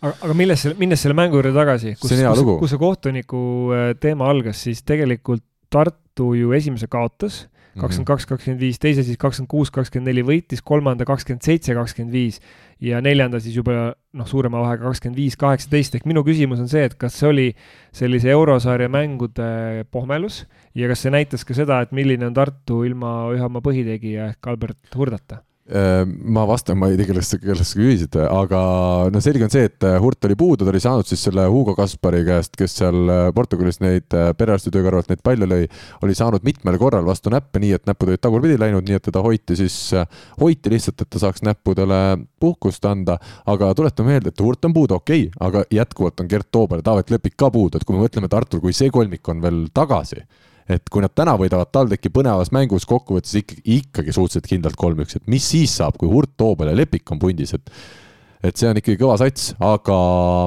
aga pohmelus jah, ma ei oska seda. tavaliselt lihtsalt on võistkondadel, ütleme Euroopast Äh, euromängude pealt tulles, sul tekib nagu, see on teine rütm mm., teine pinge ja noh, paratamatult, kui sa oled juba käinud nagu seal üle, nii-öelda üleval ära ja see keskkond, mis on juba iseenesest motiveerib sind ja paneb rohkem pingutama, pluss sa pingutadki nagu, sa annad endast nii palju, et sul paratamatult peab tekkima mingi selline väike nagu sihuke lõdvestusmoment, isegi kui sa ei taha seda tekitada mm., et, et ma, ma ei oska hinnata, sa olid, mina saalis ei olnud, aga sa olid, eks ole, Karl, kommenteerimas, et. ma ütlen lihtsalt kuulajatele ära, et see oli esimene, see esimene võrkpallimäng sel hooajal äh, Tartumaal, kus äh, Mihkel ei olnud saalis. enam-vähem, jah. et äh, aga äh, ma siin tooks omalt poolt võib-olla esile lihtsalt Valentin Kordase, et nüüd me ikkagi nägime, et seesama Valentin Kordas, vana hea Valentin Kordas, keda me eelmisest hooajast teame diagonaalründaja kohal, siis TalTechist on sel hooajal täpselt samamoodi Tartus olemas. kakskümmend kolm punkti pluss kolmteist, igati korralik mäng, rünnak nelikümmend protsenti, kolm plokipunkti juurde. et äh, tegelikult äh, me vist ikkagi, mulle meeldib jälle see, kuidas Alar Rikberg ütles, et me vist kõik ootasime natukene liiga palju Kordaselt, arvestades seda, kuhu ta oli äkitselt visatud hooaja alguses meistrite liigas nagu kohe väljakule et äh, natukene keeruline, arvestades seda ka, et sidemängijad olid ju sellised ebastabiilsed, et olnuks ilmselt palju loota kordas, et, et oleks meid Lissaboni Benfica vastu edasi vedanud. täitsa võimalik jah, aga, aga kahjuks äh, meie, meie võime selliseid, selliseid vigu teha, et loota peatreener kahjuks ei või, et kusjuures, aga see Kordase valik on huvitav tegelikult, kui me just eurosarja silmas peame, Alar Rikberg tegi väga julge küll, valiku.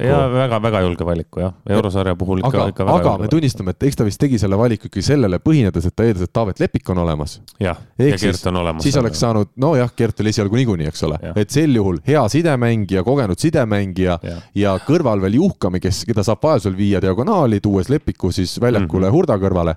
et, et see, see kombinatsioon lihtsalt kadus ära meil seal eurosarjades. minu, minu jaoks oli tegelikult ka see Lepiku toomine oli väga huvitav käik, sest äh, nagu ma olen ka siin saates öelnud, Taavet Lepik on super hea mängija, aga Taavet Lepik läheb katki ja Taavet Lepik läks ka seekord katki ja, ja ta ei ole, ma ei, ma ei mäleta, millal Taavet Lepik mängis terve hooaja, nii et tal ei olnud ühtegi vigastust. ja mitte isegi vigastust, ma pean siin parandama tervisemuret. Tervisemuret ja, ja mitte sel-, ja mitte sellist tervisemuret nagu Albert Hurdal praegu on, et kes sai Kaspari käest vastu näppe, terve Tartu võistkond sai Kaspari käest vastu näppe lõpuks on ju et aga et mitte sellist muret, et kui sa lasedki ta ühe mängu puhata ja, ja natukene ravib oma näppe, aga ikkagi selliseid, kus ta on nädalate kaupa väljas mm., seda ta oli nii Pärnus, tuli tagasi, mängis kaks mängu, sai vigastada ja, ja seda ta oli eelmine hooaeg, üle-eelmine, üle-üle-eelmine täpselt samamoodi, et et selle koha pealt aga oli, aga, aga, aga ta on nii hea mängija. ta on nii hea mängija, et kui ta on terve,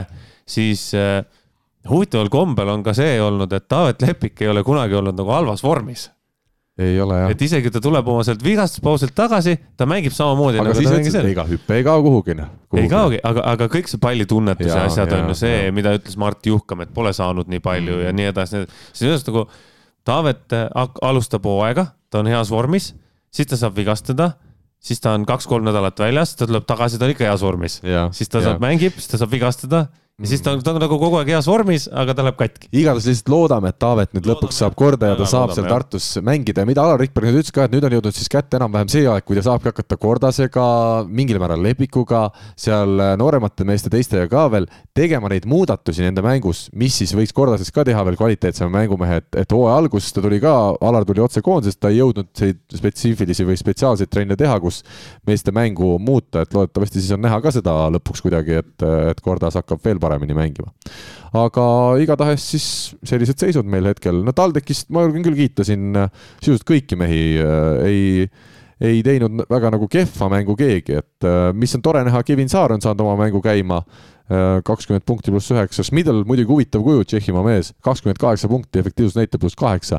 rünnakul sai tõsteid viiskümmend kaheksa kaheksa korda ründas võrku või out'i ja üheksa korda vastaste plokki. ometi siis toob lõpuks kakskümmend kaheksa punkti üleplatsi mehena, et aga noh, selgelt oli näha, et TalTech lihtsalt ei kestnud neljandat game'i, et äh, Tartus on füüsiliselt paremas seisus äh, füüsiliselt paremas seisus ja seal võib olla natuke see psühholoogiline pool ka, et, äh, et üks game nagu neilt noh, võeti ära, on ju, kui me nüüd nii võime öelda.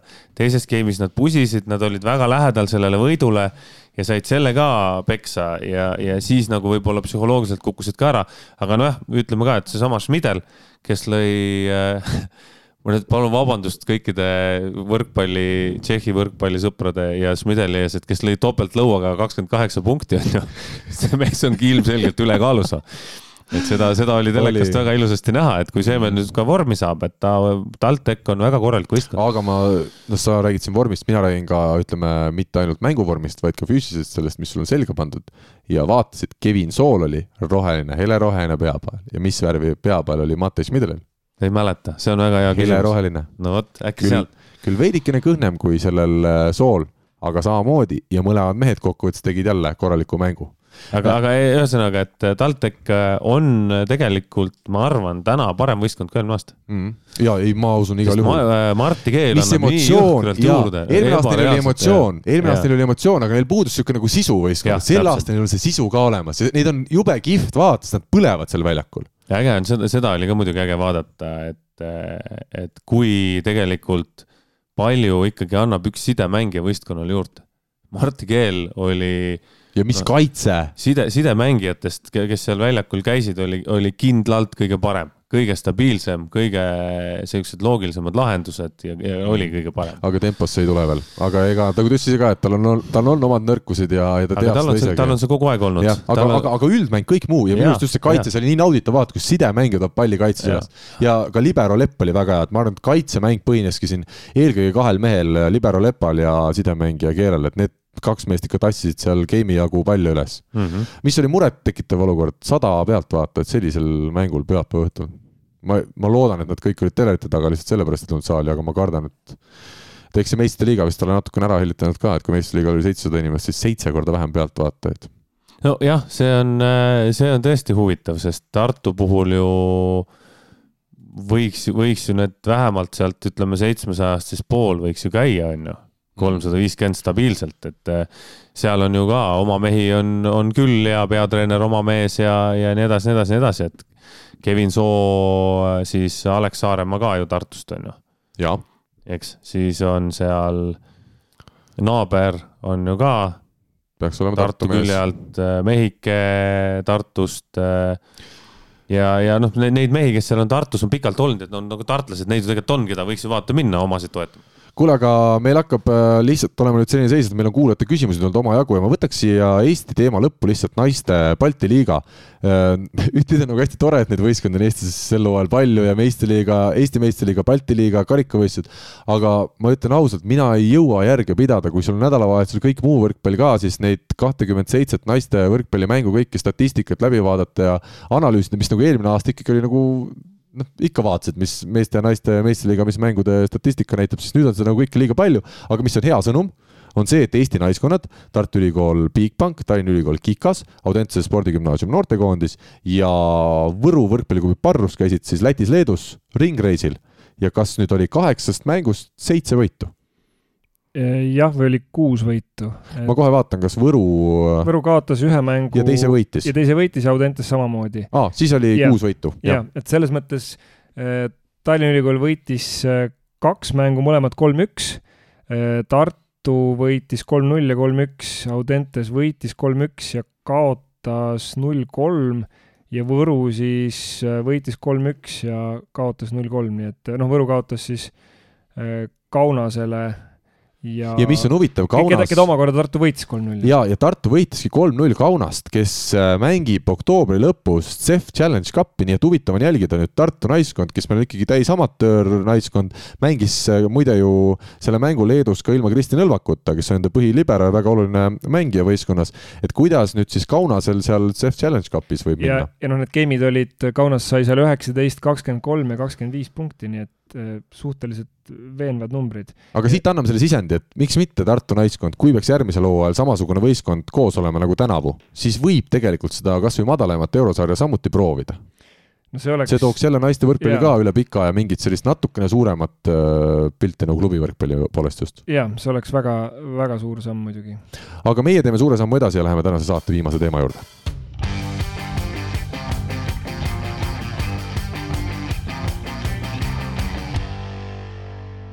kuulajate küsimused, äh, suur aitäh loomulikult kõigile kuulajatele, kes, kes on jätkuvalt meie lainel, hoolimata sellest, et äh, ka üks jalgpalliinimene on sattunud seltskonda. Ähm, ühtlasi tänan ka kõiki neid, kes Patreoni keskkonnas meie saatele õla alla panevad, Võrkpalli kahekümne nelja siis kodulehel äh, menüüst leiab selle Patreoni keskkonna, kus on võimalik äh, meie saate tegemisi toetada, et me ka tulevikus samamoodi olemas oleks, aga mitte juhuslikult ma ei rääkinud Mihklist ja tema jalgpallist, sest on tulnud küsimus Mihklile äh, kui Võrkpalliliidus pak-, Mihkel muigab, kui Võrkpalliliidus pakutakse sama ametipositsiooni, mis sul praegu Jalgpalliliidus on, siis mis saaks otsustavaks valiku tegemisel? kas küsija nimi on ka teada? tähti tähti, suurepärane. et ähm, see on äh, minu arust esimene saade, kui ma olin äh, siin, siis oli mingi sarnane küsimus, siis ma vastasin sellele päris pikalt. Äh. see oli küsija, lugeja Karl küsis vist lugeja, siis küsis jah, saatejuht lugeja Karl, aga noh, miks, noh, minu jaoks on täpselt see, miks ma seda tööd teen. mul on seitseteist aastat tiksus täis nüüd, ehk siis pool elu täpselt. olen Jalgpalliliidus töötanud.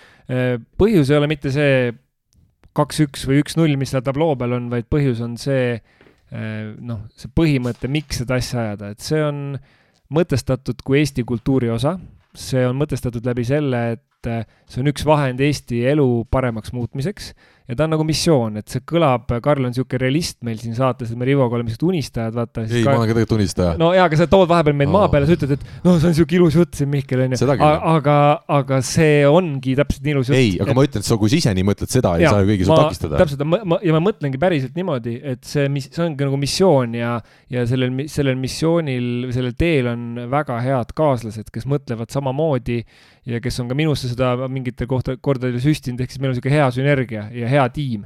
ehk siis ma arvan, et noh, iga asja ajamise puhul on kaks asja, et üks asi on see eesmärk, miks ma seda teen, et ma ei tee seda sellepärast, et, et ma ei tea, arendada või teenida raha või, või saada kuskil, ma ei tea, noh, et, et öelda, et sport on ju ainult meelelahutus, et ei, et nagu sport on eelkõige nagu vahend ühiskonna paremaks muutmiseks, ta on mingi kultuurikandja ja, ja sihuke, ma ei tea, eestlusarendaja, mis iganes, kolkapatriotismi kasvataja, kogukonna kasvataja ja siis teine asi on see, ehk siis see on see nagu idee pool ja teine asi on siis see tiimi pool, ehk siis, et kellega sa ajad neid inimesi, et või seda asja ajad ja need inimesed, nendel oleks äh, seal tekiks see sünergia, et inimesed, kes mõtlevad sarnaselt ja kes toetavad, kelle jaoks on see missioon, et see ei ole mingi isiklik äh,, isiklik agenda, et ma ei ütle, et Võrkpalliliidus äh, oleks kellegi jaoks isiklik agenda, aga lihtsalt ma ütlen, miks mulle äh, mm. sobib see, see, see, see tegevus, ma ei tea, kui see oli piisav vastus. jaa, mina kusjuures hindan väga kõrgelt seda ja ma olen natuke nagu üritanud ise kuidagi kaasa võtta seda jah, seda Mihkli olemuslikku lähenemist oma,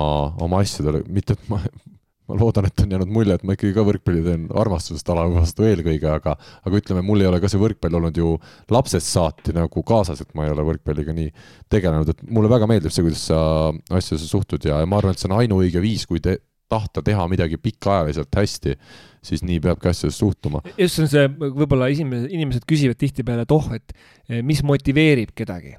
et mina ütlen alati, et, et noh, väliste motivaatoritega saab hoida üleval mingi aja seda kõike, aga põhiline on see ikkagi sisemine motivatsioon, sisemine tahe, et noh, ma seda tööd kindlasti praeguseni ei teeks, kui mul ei oleks seda sisemist motivatsiooni. nii, aga vastus küsimusele, et mis siis otsustavaks saab, kas äh, idee, miks seda teha ja tiim aga võrkpallis seda ideed ei oleks. tiimi võime kokku panna sinuga koos, Mihkel. meil on siin hea tiim laua taga. just seda küll, see on oma tiim, see on ju omamoodi ka võrkpalli asjade ajamine. absoluutselt, jah. Rivo mm,, ma ei tea, kas me peame Mihklast küsima, äkki tal on jalgpalliliidus mingid head, neil on nii hea tiim seal, äkki me leiame ka koha seal heas tiimis. võrkpalli asjatundja. ma ühendangi kuidagi seda ja. kahte poolust praegu. selge, varsti on äh, nii, et äh, tuleb pressiteade jalg ukse vahel. ei vaata, kui eh, noh, lisaks rannavõrkpallile, mida Rivo väga hästi tunneb, on ju ka rannajalgpall olemas, et eh, mm. millel läks väga hästi, mis jõudis A-divisjoni esimest korda. Eh, nii et äkki me mm. teeme siis, kuna need väljakud on ka näiteks Pärnu rannas on kõrvuti, on ju, siis et me äkki saame kuidagi suvel kokkuleppele, et teeme seal ühe rannavõrkpallimängu ja siis lähme pärast, paneme rannajalgpallis ka proovile ennast. oi, ma olen rannajalgpallis väga hea, footballis ka, kohutav. jõhk, kohutav oled? kohutavalt hea, parem kui Giga jään mina mängisin kaitses, ma võin öelda, saalivõrkpallis mängisin kaitset jalaga pikka aega. see, kuna ma ei osanud liblikut teha, liblikat teha, pannkooki, jalaga. mis vahet seal on? pallid tõi üles, ilusti pall... sidemäng ei ole kätte. ma veel pärast, ma mängisin kaitses tihti üles jalaga, ma küsisin sidejalt, kui jõudis sidemäng, et pärast punktivahetuse lõppu, et kuule, et tahad veits kõrgemale seda. kuidas oli? jah, kas ma panen natuke, jäi peale veits. jah, no okei okay,, ma hoian vähe eemal ja ma hoian jalaga veits eemal. minu meelest see, kui jalaga mängitakse, see näitab ikkagi nagu kahte asja, näitab tehnikapuudust ja laiskust mm -hmm. nagu mhm. võrkpallis, et minu treener alati nagu ütles, et nagu sul on, selgitas mulle alati, et sul on palju lihtsam käega minna mängima kui jalaga. no vaata, Mihkel, kogu aeg ei ole, sellega ma ei ole pärast nõus ka ei ole nõus. see lihtsalt näitab Mihkli, Mihkli, kes treenis, kus ei olnud osavaid mehi. jah, minu jaoks vastupidi, mingid, mingid momendid osavust näitab. absoluutselt. miks sa pead kogu aeg, sa saad ju rünnakul, sa saad ju käega mängida, vastutul käega, kus sa, sa pead ju jalad ka tööle panema jalad tööle, vaat seda, see on hoopis teine, see on teine teema, jah. see on teine teema. see on hoopis teine teema. sama nagu öeldakse, et pane pea tööle, ei tähenda, et sa pead peaga palli lööma ah,. ei olegi ju. nii, läheme edasi, kuna meil küsimusi veel jagub, proovime teha siis suhteliselt kiiresti täna vastamise vooru, kuna meil on äh, täpselt kaksteist minutit on Mihklil aega, tal hakkab äh, Teamsis järjekordne äh, üritus, kuidas luua paremat, veel, veel mõnusamat õhkkonda jalgpalliliidus. aga nii, küsib siis äh, Aare äh,. jaa, hommik aega veel natsa on, aga paras aeg hakata kohvipaksu pealt ennustama, mis saab Tartu Kaasani vastasseisust. nii optimist, kui ma ka ei ole, siis game'i meile ei anta. muidugi tahaks ju näha kahe pooletunnist mängu, aga punkt, punkt, punkt. huvitav, mitu punkti saab Tartu game ides Kaasani vastu, mina ei paku midagi, sest esitan küsimuse. pea huugab sellest ajude ragistamisest niigi. pusime edasi, Aare, tervitused Aarele. ühesõnaga Tartu, kus nad mängivad esimese mängu, on ju? Nad mängivad esimese, teise mängu mõlemad. mõlemad mängivad või? ei, ma mõtlen, kas mõlemad on Tartus või? ei ole ju. esimene on Tartus. jah, just, just Hendrik Rikand ütles, et meil on igavene pusimine viisasid saada, aga kolm-null jah. esimene mäng kindlasti kolm-null. aga me ei ütle kummale ma vaatan aknast välja, meil on mingi vend on sõjaväeauto peale läinud praegu, räägib telefoniga sõjaväeauto peale see, vot selliseid olukordi, ma ütlen, ei juhtu meie podcast'is tihti. ma arvan, et see on keegi salakuulaja, riik on saatnud nüüd äh, järelevalve meie saatele või on see Jalgpalliliidus keegi uurib, et mis toimub, millega tegeletakse. võib-olla tagasi tööle. aga nüüd, nüüd, üks variant, üks variant on muidugi see, et ta varastab ei, ma mõtlen jah, et, et nagu arvestades, ma olen, mis korrus see on, kolmandal korrusel? me oleme kolmandal korrusel ja mingi vend on akna taga, et see on muidugi põnev jah ja.. aga ühesõnaga tagasi teema juurde, kaasani seniit võidab kolm-null mm. -hmm ja noh, ma pakun, et see Tartu võiks sinna kuhugi kahekümne ligi ikka, ikka, ikka push, push ida, jah mm,. kui just Tartu vahepeal ei tee väga häid üleminekuid. jah, kuhu võtame järgmise küsimuse. ma, no me jõuame seda kaasinimängu niikuinii siin edasi ka arutada. mõnusat saadet soovib meile Rainist, tervitame Rainist ka ja ta ütleb hei, kahe hooaja vahel on üks teema mulle veidi selgusetuks jäänud. kuidas läks nii, et TalTechi meeskonnal, kus eelmisel hooajal oli tempomehi mitme koosseisu jagu, leidis ennast nüüd sellisest olukorrast, kus pidi noort nurgameest tempos mängitama. jutt käib siis härra Üprusest, kes sai ka korralikult hakkama seal positsioonil.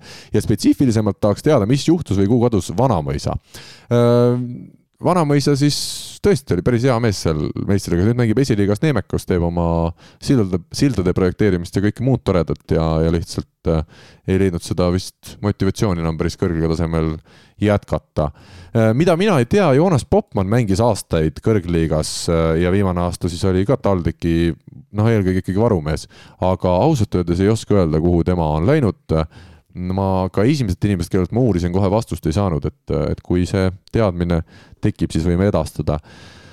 no kui me võtame eelmise aasta veel, Sten Berillus jäi siis võistkond alles, aga noh, tema käib ka, tal on vist põlvedega mingi, mingi, mingi probleem, et ta ei käi ka nüüd kogu aeg väga palju trennis. poliitikasse suundus ka, et siin just see võtab oma aja. Reimo Torn on olemas võistkonnas ja Mihkel Tanil eelmisel aastal mängis nurgas, nüüd mängib siis tempos nii et noh, peaks olema tegelikult nagu. täitsa okei okay on iseenesest, kui, kui nii vaadata mm. -hmm. aga noh, jah, eh, Vanamõisa ja, ja, ja Popman olid ikkagi noh. Eesti mõistes mängumehed. Eesti mõistes väga, väga, väga head mängumehed, noh, head mängumehed jah. just, nii et äh, selline jah, suhteliselt. ei tea, kust nad kadunud on. nojah, Vanamõisat teame, Popmani küsimus, kas ta mängib veel võrkpalli kuskil või mitte, et see on see see on see asi. järgmine küsimus, Ats Vanker, küsimus treeneri rubriiki. ehk peaks vastama sellele keegi TalTechist, aga samas oleks ka kõrvaltvaataja arvamust hea teada. usun, et kõige julgemalt ja ausamalt saab vastata Rivo. Janis Sirelpuu on TTÜ eesotsas kahe tuhande kolmeteistkümnendast aastast alates, keegi võib parandada, aga Kaibald lasti siis lahti. kõikidel teistel Eesti klubidel on selle aja sees treener vahetunud ja mingi areng toimunud. TTÜ-s minu meelest areng puudub, eriti ilmekas oli üks telemäng, kus time-out'i ajal oli treener täiesti vait, vaid mängijatest vist keegi pomises midagi. võistkond oli seejuures kaotusseisus, piinlik olukord veidi. Eestis justkui treenereid oleks sinna pakkuda. kas asi on rahas, ei leita paremat või räägib Sirelpuu igal suvel mustavalgeks?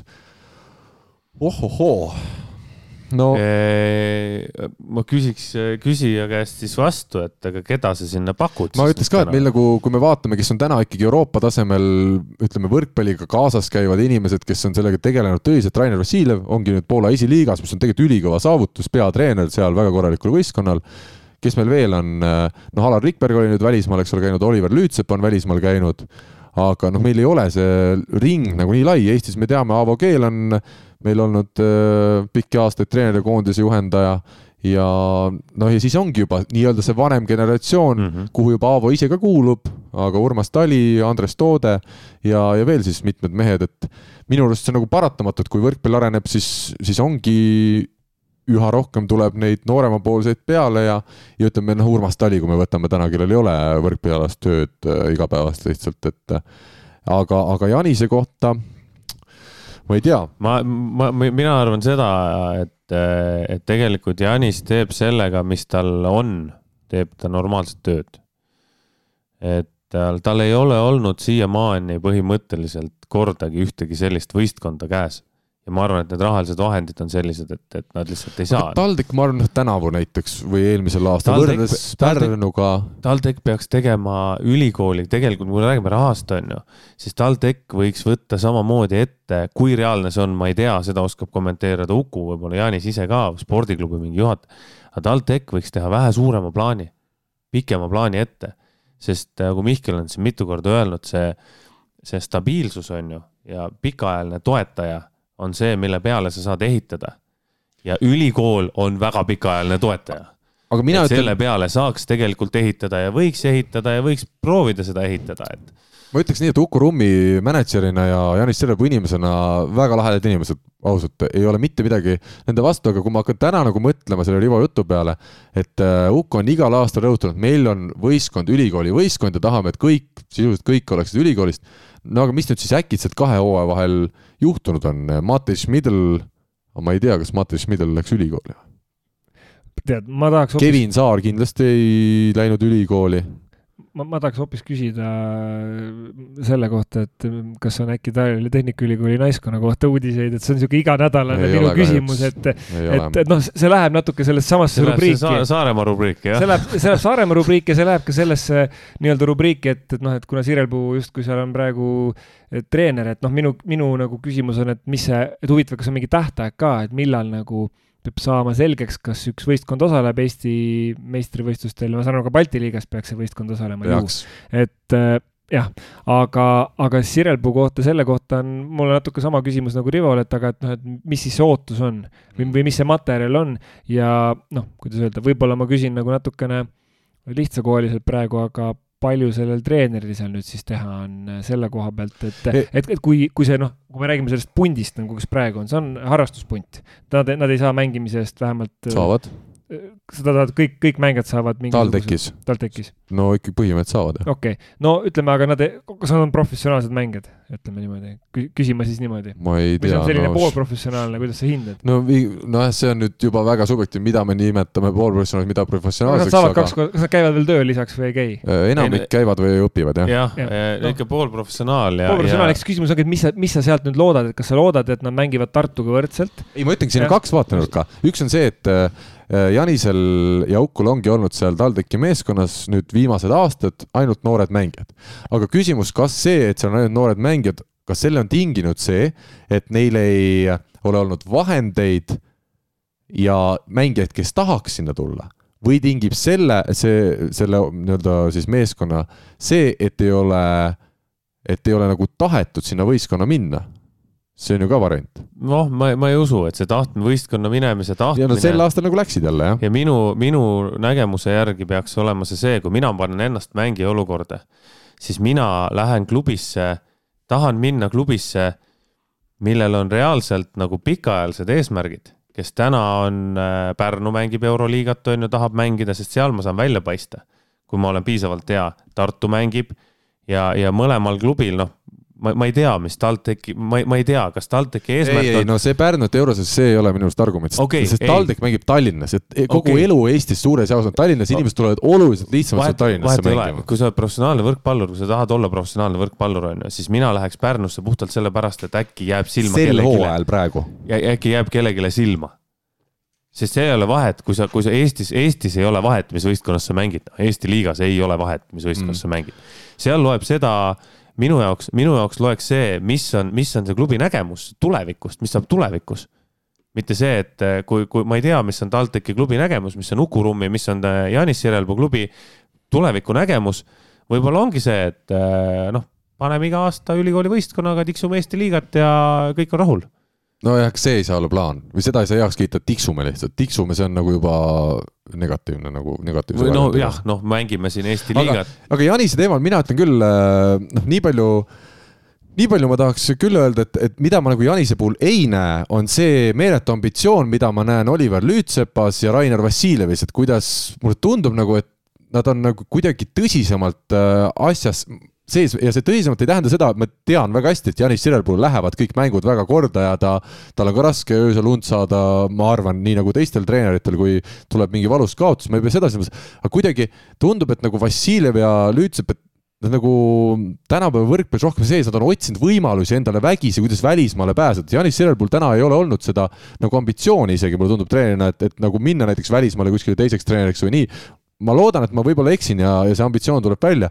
aga kui on noor treener, mida Janis ikkagi kokkuvõttes ju tänaseni on, kuigi ta on kahe tuhande kolmeteistkümnendast aastast võistkonda juhendanud, et äh, siis, siis mulle tundub, et edasiviiv jõud võiks olla ikkagi see oma püüdlus, aga, aga kõige selle jutu taustal ma ütlen ikkagi, pühapäeval mängis TalTech väga sümpaatset võrkpalli Tartu vastu ja nagu selle esimese mängu põhjal, mis mina nüüd nägin, ma ei saa Janisele nagu treenerina midagi ette heita, see, et ta time-out'i all väga palju ei räägi, on see jutt lühike ja konkreetne, siis on ju kõik okei okay,, et ega sa ei pea seda tervet kolmekümmet sekundit täis rääkima, mina nagu sellest ei alustaks, pigem mul see üldine pilt ka vahel tundub, et kas neil on nagu nii tõsine säde silmis, et, et asja veel paremini teha noh, jah, see on, see on nii keeruline küsimus, millele meie, meil on raske vastata, et selle, sellele peaks vastama Uku ja, ja Jaanis ise, et. ja mina ütlen. mina, mina ütlen, ma ütlen, et ei ole ju tegemist nagu halva treeneriga, et ikkagi medaleid on võidetud ja, ja Eesti liigas nad mängivad, et. ja ühesõnaga ma ütlen veelkord, et, et Janis ja Uku kindlasti, et ei solvuks siin või isiklikult väga-väga toredad, head inimesed ja ma tõesti ausõna soovin TalTechi võistkonnale kõike kõige paremat ja, ja loodan, et nad arenevad edasi ja sel hooajal punt on ju väga äge ja ma tõesti elan kaasa neile, et nad võiksid siin üle pika aja ühe medali võtta ja miks mitte ka lausa kuldmedali. võtame järgmise küsimuse. ma ei tea, kuidas Mihklil aega on jaa, võtame muidugi. võtame viimase küsimuse siis, tundub nii. Äh, ja ega meil rohkem siin palju ei olnud ka, võib-olla üks jääb järgmisse saatesse. Viljar küsib, viimases podcast'is oli juttu, et peaks igast vanuseklassist võtma kaks kuni neli venda ja panema nad suurema fookusega randa mängima. olukorras, kus Eesti esipaar, olles maailmas kolmekümne kolmandal kohal, äh, võeti EOK toetuselt maha, siis miks peaks mõni noormängija üldse sellise eeskuju juures ranna peale mõtlema, kui on näha, et seal tipus pole kerge olla ja ei saa täielikult voolele keskenduda? Rivol ilmselt küsimus eelkõige. ühe, kui üheski tipus pole kerge olla, selle ma ütlen kohe ära ja, ja sinna tippu jõuda on, on veel raskem, et äh, äh, miks seda peaks, see, see, ega, ega seda, seda, et me võtame kuskilt kellegi ja paneme ta kuhugile, ega seda ei saagi enne teha, kui ei ole süsteemi. see on lihtsalt mõte, see on selline, nagu Mihkel ütles, sihuke unistamise koht, et kuidas see süsteem võiks idee järgi või ideaalis toimida ma arvan, et Eesti on nii pisike riik, et äh, me ei saa kunagi, ei jõua, noh, kunagi on võib-olla palju öeldud, aga meil on väga raske jõuda sinna, et me saaksime võtta kas iga aasta või iga kahe aasta tagant neli mängijat, naist ja neli poissi ja hakata nendega rannas tööd tegema. sest esiteks neid mängijaid ei jagu ja teiseks, äh, teiseks äh, noh, kui me neid kasvatame nii palju, siis neil ei ole nagu väga kuskil mängida. et see, see oli selline äh, ideaal äh, nagu mudeli mõte. Äh, põhi, põhiline oleks äh, ja see, et nüüd Mart ja Kusti võeti sealt maha EOK rahade pealt selleks üheks aastaks praegu, siis ma arvan, et sellesse nagu ei tasu küll nüüd kinni jääda, et, et see süsteem peaks ikkagi toimima nii, et on, on toetused nii erasektorilt kui alaliidult kui ka siis riigipoolsed, on ju. ja, ja, ja siis sa mängid seda tipptasemel rannavõrkpalli, et kui kui me nüüd toome näite, siis egas meil Kristjaniga esimesed aastad ei olnud ka mitte mingisugust toetust nagu olümpiakomiteelt, mingi hetk see tuli, kui tulid tulemused. ja, ja teiseks ma Viljarile ütlen seda, et seal võeti maha viiskümmend viis sportlast umbes või midagi sinnakanti mm. -hmm. et me ei saa öelda nüüd, et, et Mart ja Kusti olid, tehti neile liiga või, või olid mingi erakordne juhus, et neid sportlasi võeti palju maha ja, ja eks mingi hetk pannakse need sportlased sinna tagasi, kui kui, kui nad on noh, oma ülesanded ära täitnud, et, et aga vastates nüüd sinu küsimusele, Viljari küsimusele, miks see noor peaks sinna tahtma saada, siis ma küsiks jälle vastu, et miks see noor peaks tahtma saada mängima Perugiasse, miks see noor peaks tahtma saada mängima saali Poola mm, -hmm. mis see, mis see motivatsioon on? kas see on raha või see on tulemused? kui me räägime motivatsioonist, siis need on kaks põhiasja, mis motiveerivad rannavõrkpallis äh, on kordades suurem võimalus jõuda absoluutsesse maailma tippu kui saalivõrkpallis.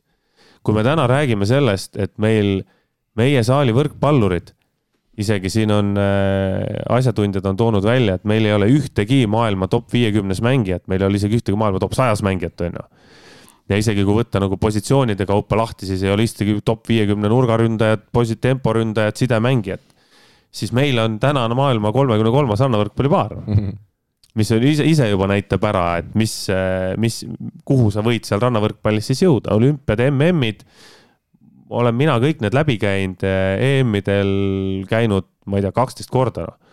et, et see on see pool, mis mind motiveeris, tulemused ja sellega käis kaasas ka raha noh ja ma ütlen täpselt samamoodi, kui ikkagi noor hakkab spordiga tegelema, ma, ma tahaks loota, et esimene asi ei ole see, et sa mõtled raha peale, vaid sa mõtled selle peale, kui äge see ala on, kuidas sul on võimalik äh, jõuda kõrgele klubivõrkpallis, koondise võrkpallis, eriti siis jah, rannavõrkpallis, kus on tõesti olümpiamedal reaalselt ka väikeriigil. äh, võimalik ära võtta ja ära elatada, saad sa ennast nii maailma tipus saalivõrkpalluri nagu ka rannavõrkpalluri, aga jah, kui sa seal vahepeal kuskil oled, nii-öelda tiksud, nagu Rivo ütleb, siis on saalis lihtsalt lihtsam ära elada. ja, ei lihtsam, saalis on lihtsam tiksuda ka, noh, sulle antakse dressid selga ja tossud jalga ja sul on äh, TalTechi võimlas iga päev kell kuus on trenn ja sa tead, sa kooberdad sinna, sul visatakse pallid ette ja teed oma asjad ära, onju.